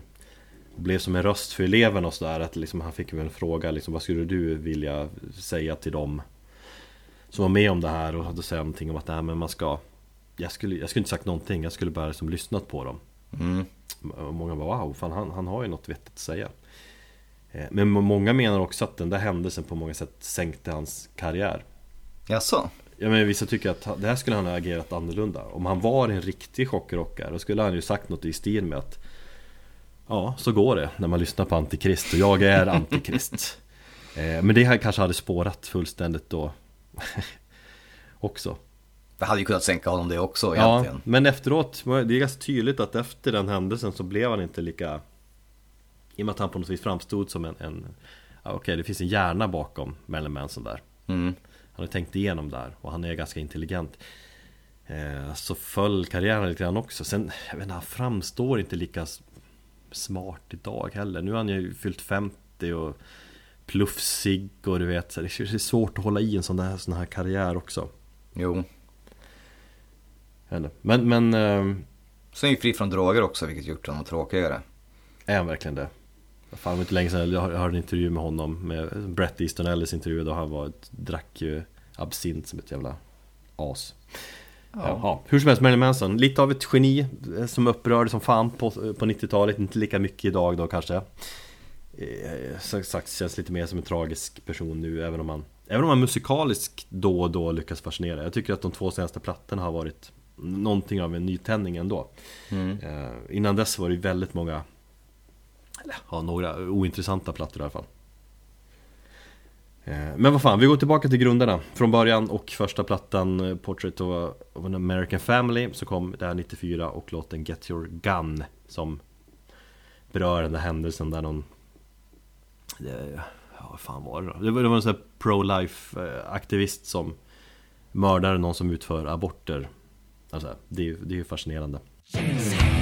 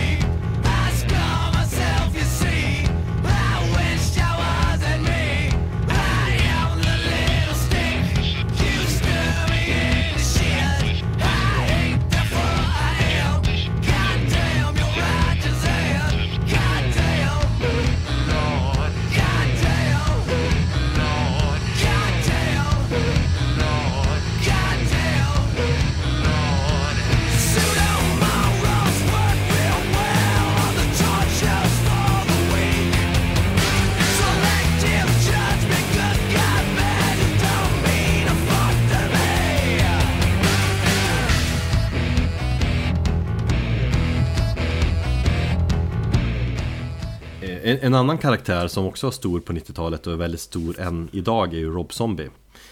Som, eh, jag har frågat runt lite grann så polare, folk, vad- okej Skräckrock, vad bör man nämna? Och flera liksom nämnde, ja men Rob Zombie liksom, är en spontan reaktion, ja förutom Marilyn Manson då. Och han har ju lyckats odla sitt varumärke på ganska fascinerande sätt tycker jag Just att han, han lyckas hålla sig i rampljuset på något vis Och har gjort det under väldigt många år, om det är ja, 20-30 år. Han var ju frontman för För bandet White Zombie på 90-talet Eh, De bildades redan 85 faktiskt men De fick ju något genombrott där på 90-talet när de fick ett eh, Riktigt skivbolag eller så här majorbolags eh, och så. Ja men du, bra koll du har på White Zombie Så otroligt dålig koll. Jag tror nog aldrig jag har lyssnat på en hel White Zombie-låt för att jag alltid passerat till fucking jävla tunt musik. Ja, det är ju väldigt speciell stil. Eh, Jag vet inte, det är någon form av blandning mellan eh, typ Det finns väl industri- ja men det finns en industriella element också? Ja, det är väldigt mycket industrielement. Eller hur? Kanske, Ja. kanske därför jag har gått igång på dem. Men det är mycket alternativ metal. Groove metal är det ju absolut. Industri. Eh, En del noise också. Jag vet Det som jag, ja men det som jag känner är ganska symptomatiskt för både Marilyn Manson och, och, och just White Zombie är att de gjorde ju någonting, de tog skräck, eh, skräckrocken och applicerade den på den genren som var populär och det var ju mycket nu metal och industri. Och så gjorde de någonting eget av det, de tog inte någonting helt annat utan det här, bara, men vad är det som är populärt nu? Ja men det är industrimusik, ja men då kanske man kan blanda det med, med någon form av skräckelement och, och göra någonting nytt där. Mm, ja exakt, och det är det vi var inne på i början att liksom shockrock har inte inget med liksom genre att göra i sig. Alltså vilken genre, typ av musik Nej. man spelar utan det, det handlar mer om det här visuella Eller text, eh, ja, och så. Eh, I och för sig, White Zombie de hann inte med att släppa så många album. De släppte väl mycket liksom skivor själva innan de blev stora Men jag har ju bara hört Jag tror var- man räknar typ fyra albumtitlar eller sånt där. Och så en massa EPs och grejer. Men det är väl bara egentligen de två sista plattorna Dels den här La Sexorcisto Devil Music Volume 1 och Framförallt då Astro Creep 2000 eller Astro Creep eh, Songs of Love, Destruction, Other Synthetic Delusions of the Electric Head som det heter Den skivan tycker jag dock är helt jävla briljant. Jag blev såld som fan på den när den kom 95 Ganska industriell platta, väldigt mycket groove metal, nedstämt. Feta jävla riff och, massa samplingar från gamla Gamla kult horror B-filmer typ. Mm. Och sen splittades bandet eh, och han körde på en solokarriär som Rob Zombie som en, en karriär som har gått väldigt bra. Dels har han ju som White Zombie-låtarna i bakgrunden men sen har han skrivit mycket nytt Han har hållit sig aktiv Jag tycker att det är intressant att se att Marilyn Manson, är, han har ju blivit så att det är han som har spelat förband till Rob Zombie sista tiden Okej. Mm. Och Marilyn Mansons gamla gitarrist John Five Han spelar ju numera för, för Rob Zombie Framförallt tyckte jag att Rob Zombie blev ju, han hade några ganska bra hittar där på tidigt 2000-tal med, med inom skräck, eh, skräckfilmsgenren. Som regissör. Ja, det är mycket därför också som han är stor tror jag Han gjorde väl, gjorde, gjorde inte han någon återinspelning eller någon f- av Halloween? Ja, han gjorde en remake på den Remake ja, ja. Så att det känns som att han är idag, han är lika känd för hans jobb med film i och med att han är filmregissör, han skriver manus, han har gjort ett liksom ett flertal skräckfilmer Eh, Jag, Jag tror att tycker- det är en stor anledning till att han fortfarande är stor som Aktiv, artist ja. också att, Ja. Och att det är en anledning att han kan spela på stora arenor som han faktiskt gör I USA i alla fall, jag vet, det känns inte som att han spelar i i, i Europa särskilt ofta Nej, han känns mycket större i USA som att han men är som att liksom, eh, hans eh, karriär som, som regissör har på något sätt varit en förlängning och att kunna leva på det också. Och Ja, verkligen. Kop, kop, koppla det samman med bandet. Han har ju haft lite så här hit and miss när det gäller eh, skräckfilmer, men en film som jag tycker är jävligt bra om du inte har sett det som jag kan rekommendera är The Devil's Rejects.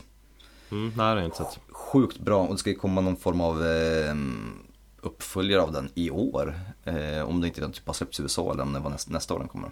Men det handlar väl mycket lite om nostalgi i hans typer av filmer Alltså en flört med, med det gamla och sådär Ja, det finns ju jättemycket throwbacks till, till liksom de här klassiska, ja men ett Motorsågsmassakern och, och en massa så här. Man kan hitta influenser av väldigt mycket. Mm. Inom, inom skräckfilms, precis som det är inom, inom musiken. Ja, verkligen Nej men han har ju lyckats odla och utveckla sin form av shockrock under alla dessa år och har en ganska underhållande liveshow som bjuder på när man kollar in klipp. För John Five är ju för om man, ska, om man ska följa någon ny på Instagram så ska man bara följa John Five för han är Även om han är supergitarrist liksom Men han är jävligt underhållande. Jag tycker han är amazing. Följ John Five. Så. Eh, Mm, Rob Zombie, jag tror han har släppt sju fullängdare någonting i hans solokarriär Men jag har ju bara lyssnat på, jag ska säga de två första plattorna. Sen har jag inte, inte så jävla, jag vet inte, jag är inte så brydd. Känns som att det är lite för kommersiellt. Första plattan Hellbilly Deluxe var ju bra skit tyckte jag. Men sen Mm. har jag, ja, verkligen dålig koll. Men jag tycker att vi går tillbaka då Än en gång Till den här sista White Zombie-plattan Esther Creep 2000 och Det här är faktiskt en platta som jag har tänkt att ta upp i den här podden. Du vet som en gammal favorit eh, Mm, nostalgiplatta typ. Eh, Jag lyssnade igenom den här om dagen igen och den är, ja, den fan är mig, den är magnifik. Eh, Och visst, det är väl en hel del nostalgi också. Jag kan tänka mig att du, när du börjar lyssna på den, så kommer du känna bara, "Ah, det här låter ju liksom 90-tal och sånt där men Eh, ja, vi ska lyssna på låten More Human Than Human som är, det är väl en av, det är väl hans största, en av hans största hits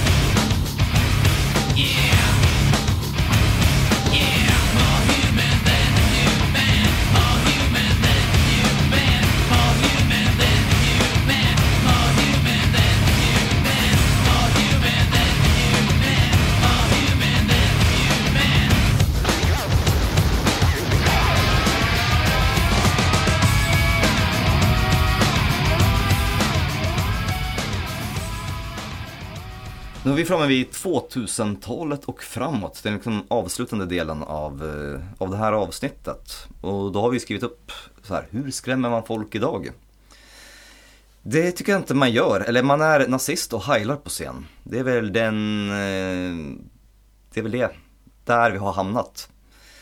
Eh, nej men framförallt så känner jag under, under liksom tidigt 2000, egentligen början av 2000-talet tycker jag det har varit ganska sparsmakat med, med horror eller överhuvudtaget om tjockrock. Jag tycker det känns som att den gick lite grann i träda fram till det att kanske Ghost kom 2007 och, och gjorde liksom eh, återinförde ockultismen och den här själva ockulta rocken kom tillbaka. Ja.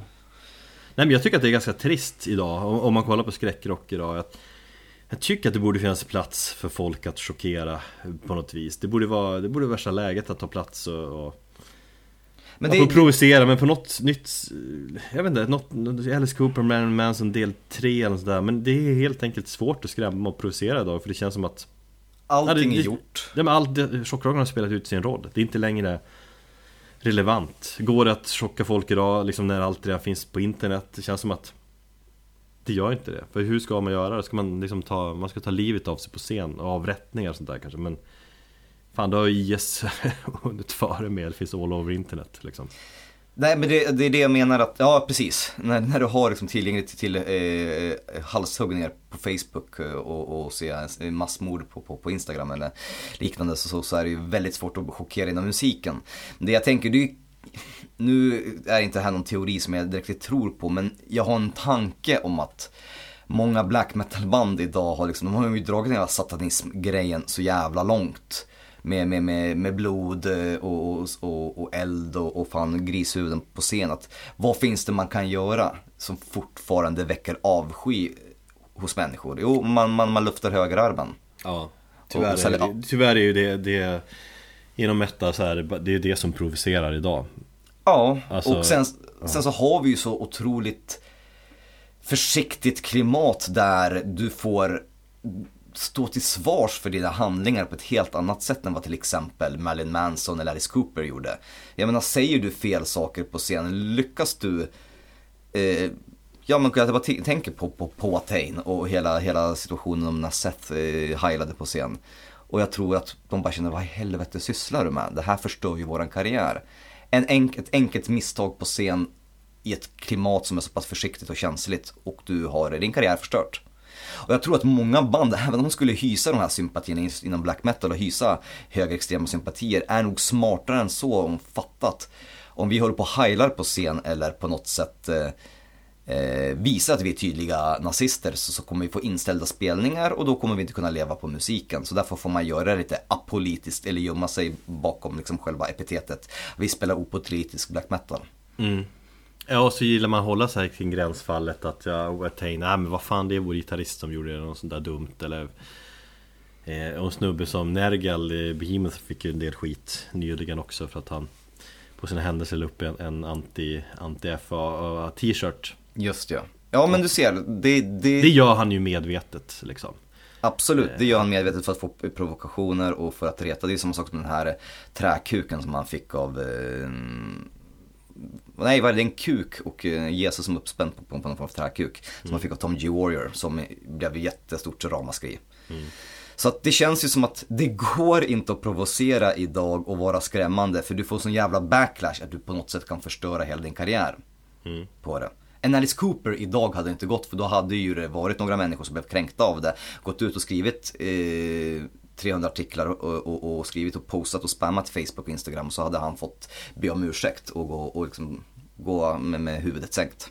Ja fast nej, för, för att jag menar han turnerar ju fortfarande och spelar Det, det jag menar att liksom Han Jo, gör ju sin grej ju- fortfarande, det är ju Tjockrock idag känns mer som en, kul underhållning liksom Ja, det, det menar jag också men jag menar bara att det går inte att skapa någon ny. Nej, nej precis. Men de, de här Rob Zombies och de här Marilyn Manson och eh, Alice Cooper kör på sin grej. Det, det, det är mer underhållning, det är, man flörtar lite grann med det onda istället för att det ska kännas farligt så rör man lite grann på, på ytan och kör lite, det är lite nostalgisk skräck och charmigt liksom. Eh, menar Alice Cooper, han, han körde väl på Grönan i, i år tror jag. Bara. Jo, Eh, Men sagt, man är ändå nyfiken på vad som komma skall, om det kan komma en ny Marilyn Manson, eller någon typ av smartare, liksom provocerande rock. Just det här, Satan känns ju så jävla överspelat liksom. Ja, det har ju gjorts ganska länge nu. Och blod och gore är också ointressant tycker jag. Man måste komma med, och ja, så här, mm, Nassevinkel känns också ja. Men det är någonstans, jag läste någonstans en artikel om att, att dagens eh, na, Nazi Panic är samma motsvarighet till till det satanistiska, the satanic panic under 80-talet i USA. Ja, mm. Nu är ju som sagt nazism och satanism två helt skilda saker. Medan nazism där man på riktigt vill, vill, vill utrota ett visst folkslag. Eh, Medan satanism var ju bara någon form av det att flörta med, med någonting som inte är verklighet. Mm. Eh, men folk menar då på att det är ju samma ramaskri idag när det handlar om nazismen som det handlar, det handlar om satanismen. Det bara ena är Ja. en verklig ondska. Men det är väl kanske så, det är kanske det enda sättet man kan chocka idag. Att verkligen prata om riktig ondska. Ja men sjunga om att mörda barn på riktigt. Sjunga om, om riktiga nazismer. Visa att man stöttar nazismen. Visa att Ja, man det stöttar ja. pedofiler. Ja. Fan vet jag. Nej jag vet inte, jag tror inte det heller. Jag tyckte det är intressant där att gå tillbaka då 20 år egentligen och snacka Slipknot som jag tycker ändå kan det Kanske gränsfall tycker många jag vet, jag vet att många inte tycker att Slipknot eh, har något med chockrock att göra sådär Men jag tycker absolut att de är det och jag tycker att de hade en ny vinkel på det hela. Eh, Just i deras tidiga sound, det är ju mycket Det är ju chockrock och nu metal. Eh, här, Det här är ett gäng på nio pers som klär sig i orange, overaller eller röda eller vad fan de hade på den tiden. Mm. Ganska liksom djuriska på något sätt. Mycket dödsinfluenser, ganska våldsamt speciellt på scenen Ja, de spöade ju skiten ur varandra ganska så, så frekvent i början ja. Precis, och de själva menar ju också att ah, men vi bär inte masker utan vi Vi visar vårt, vårt riktiga jag genom att, att vi har just olika masker på oss, liksom vilka vi är Våra masker visar vad, vad vi står för eller så. Jag läste det, det, Clown, han vill ju Han vill inte säga att de är ett chockrockband utan de, de visar att vi, vi, vi är bara 100% ärliga det, det är människans ärlighet vi visar på scen. Det, det är våld och det är krig och det är ilska och så vidare. Det, det, vi är en spegling av samhället. En spegling av vad, vad unga kids Hur de känner sig idag. Just ja. Fast det i sig blir ju ett budskap som kan vara ganska skrämmande och provocerande. Det här är mänskligheten. Och det blir en annan typ av chockrock. Alltså Lite kontroversiellt och lite provocerande sådär På något vis. Mm. Sen var det ju mycket Framförallt i början mycket rykten om bandet. Och, och som sa i tidigare intervjuer att de ah, de, alltså, slogs mycket och de, de, de spydde i maskerna, de bröt armar och ben under sina liveframträdanden och det var Hjärnskakningar och de kunde, någon, jag kommer ihåg någon, kan det vara någon slitsintervju liksom 99 där eller något sånt där. Okej. Eh, Att någon kille i bandet brukar runka och spruta på någon annan innan de gick upp på scenen och så Och så jag läste det här, och bara, här, jag bara, det här är ju next level på sjukt på något vis Ja men det var ju fortfarande liksom 99. Då Ja. gick det ju fortfarande. Jo, men så, och så fanns det någon story om att en medlem, han gillar att ha någon form av eh, wet sex trekant med tjejer när de får bara stå och kissa på honom och sådär Det finns en klassisk story också om, om att The Clown brukade ha en död fågel i en burk som de luktade på Innan och under spelningen bara för att komma i rätt spystämning typ Att de, Ja. det luktade så jävligt så att de spydde i masken direkt eh, Och den fågeln hade de visst haft kvar ganska länge Det låter ju för sig som någon kopia av Mayhems eh, Pelle Dead eh, story ja. som, som brukar lukta på en död kråka i en påse innan de gick upp på scenen men Mm. Nej men det gick hur som helst, många rykten om bandet var inte, Majoriteten är särskilt, eh, säkert inte sanna heller Men det förstärkte ju bilden av att Slipknot var en, en farlig kraft liksom. Mm. Jag gillar också att de är från Iowa. Jag gillar att de är ja, Att de är utbölingar på det viset Med trassliga barndomar, utanförskap. I och för sig inget nytt heller men det blir liksom att Det var en annan typ av personer I det här bandet jämfört med andra kanske. Kan man säga att Slipknot någonstans var den sista riktiga chockrocken? Kanske, för det som är intressant idag är att de har blivit ett av världens största arena band inom metal Många menar ju att de är en av de här arvtagarna till Metallica på något vis Att de eller arvtagare att fylla de största arenorna. De sålde Just ut. Globen nu på direkt liksom. De är, alltså hur som helst är de väldigt stora idag. Och de känns såklart inte lika farliga nu heller som de gjorde för 20 år sedan. De har tvingats lugna ner sig såklart. Mm. Även om det finns element i band som kan kännas lite skrämmande. Men det är mer, det är ju mer liksom en show nu. Ja, Rammstein är väl också ett sånt exempel. Liksom som, de har sin show, det är mycket humor, snusk men en del allvar också. Det känns som att det är ett band som tiden har hunnit kapp dem också. Förra skivan, när de släppte den här... Det tänker jag var piken på för chock, provocer rock på något vis att när de släppte den här musikvideon på Pornhub eller vilken pornsajt det var Okej. Rammstein. Ja just ja, eh, ja denna, Pussy. Ja, enbart för att provocera folk. Eh, Samtidigt är det väl än många att det var ju mest briljanta marknadsföring någonsin för de har aldrig fått så mycket klick. Mm. Någonsin på sin video. Men det, det där pikar det väl någonstans. Och sen Hur provocerar man idag? Hur, ja Sex är så jävla också uttjatat på något vis. Jo, nej, men jag känner alltså någonstans av, av, av de stora banden som fortfarande in, hade liksom en, en, en inverkan på folk och där, där liksom vuxna och samhället gick in och, och, och, och så, vad är det här för någonting? Det måste varit Slipknot. Någonstans, känner jag. Ja, sen finns det väl säkert Exempel på mindre band eh, Jo, fan heter de som hade sex på scenen? Och, och, Rock Bitch. Rock Bitch ja, som gick jävla mycket rykte om Jo, men det var ett rykte som varade en väldigt kort tid och sen Ja. så, så bara försvann det. Gyllene kondom som man fick ligga med hela bandet och så. Mm. Hur mycket sanning var det i det? Den kondomen till exempel Eh, det vet jag inte, men eh, de som var där har väl sett Rock Bitch och det var ju väldigt mycket sånt. eh, Att de, de, det var ju fisting och det var ju piss och allt möjligt, sex på scen. mm. Ja, det är svårt eh, idag med att chockera Vi får komma på någonting och starta ett band och bli kända Precis. Men sen är det väl, ja vi kanske ska avsluta det hela med att prata lite om Ghost som också bör nämnas i och med att ren liksom ur den klassiska chockrock-definitionen så är de väl störst inom genren idag. Jag tycker det finns tre band egentligen som, som är ur ett underhållningsperspektiv då. Det är ju, ja som du säger, Ghost som är kanske störst, som är liksom ett stort jävla Tupperware-party som Tobias själv eh, märkte, liksom, eller har själv sagt.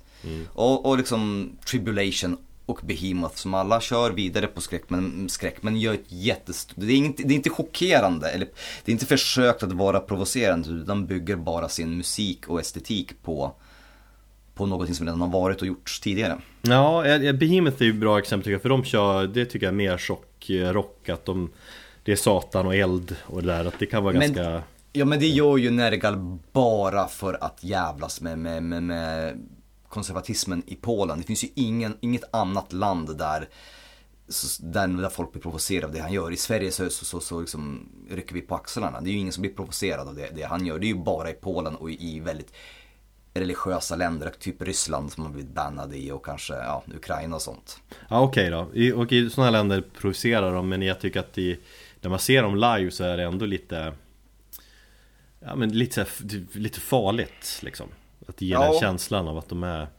att hur- deras basist ser jävligt liksom Man känner, vad fan man, Ja, han kommer ju äta upp en och vilja ligga med en samtidigt Jag tycker att det Behemoth är nu är ungefär någonting ungefär som, som band som Dimmu Borgir gjorde. Det är den här fullständiga episka scen, allting ska vara så överteatraliskt som möjligt nu.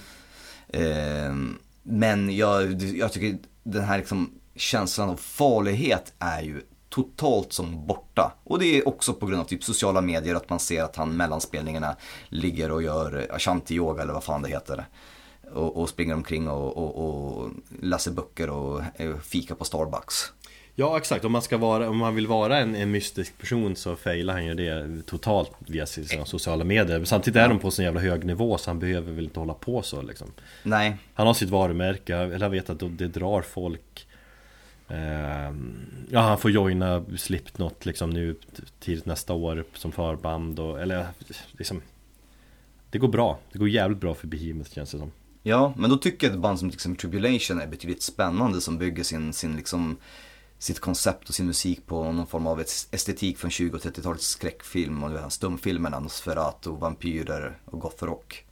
Det är en form Och- av exakt, vampyr, eh, de sysslar Ja, med. Och även om, om, om, man, om bandmedlemmarna inte är anonyma och man kanske är de helt vanliga människor och sådär så tänker jag att musiken känns betydligt mer spännande och mystisk när jag lyssnar på Tribulation än vad jag gör när jag typ känner när, när man lyssnar på Behemoth.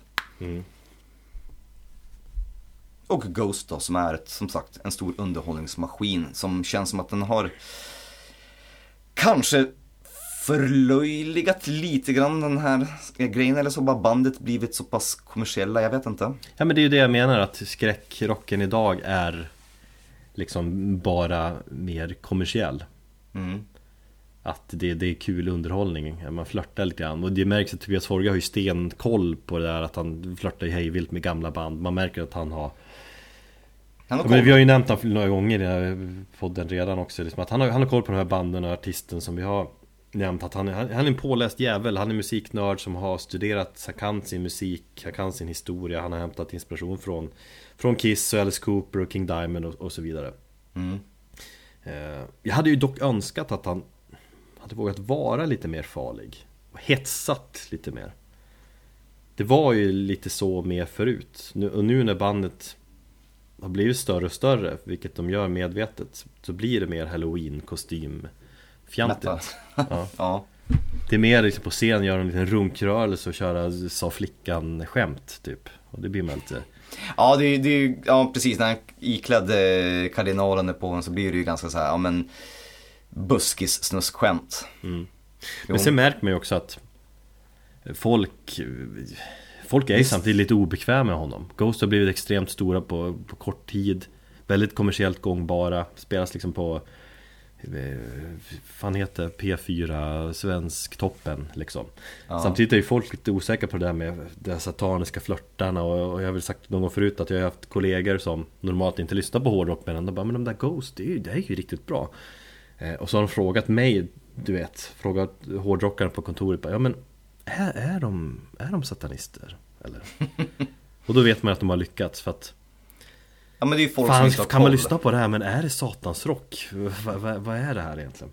Mm. För att man förklippar satanism och hårdrock eller skräck med hårdrock och då frågar man den enda hårdrockaren på kontoret. Ja Och folk tycker ju såklart liksom metalfolk och Hade en polare som skrev häromdagen bara jag funderar på att sälja mina Ghost-plattor För att de är töntiga Jävla popmusik och så vidare Fredrik Strage intervjuade ju Tobias Forge nu i hans senaste podd och Då spelade Tobias Forge upp musik av Eva Dahlgren, Lena PH och Sven-Bertil Taube Lite såhär Guilty Pleasures style på något vis Ja. Men säkert också för att eh, jävlas lite med, med folk, alltså metalfolk De lyssnar ju såklart på avsnittet av intresse och så bara Men vad fan, Eva Dahlgren, kom igen! Ja, där tappar du all din cred liksom. Jag såg en kommentar igår på Fredrik Strages eh, eh, avsnitt på, på, på Facebook eh, Där någon hade kommenterat eh, Ghost? Frågetecken eh, King Diamond med Down syndrom menar du? Att folk, folk blir provocerande antar jag Så ur, ur den vinkeln gör ju Forge rätt Ja, det är kanske så man ska göra. Ja, lira Eva Dahlgren Vi avslutar där och så lyssnar vi kanske lite på Ghost jag tänker från Infestisuman-plattan Och kanske avslutningen på låten Gule Zombie Queen Det är en fin bit Och med det så säger vi Ja, vad säger vi? Tack för att ni har ja, lyssnat Precis, och eh, ta hand om er.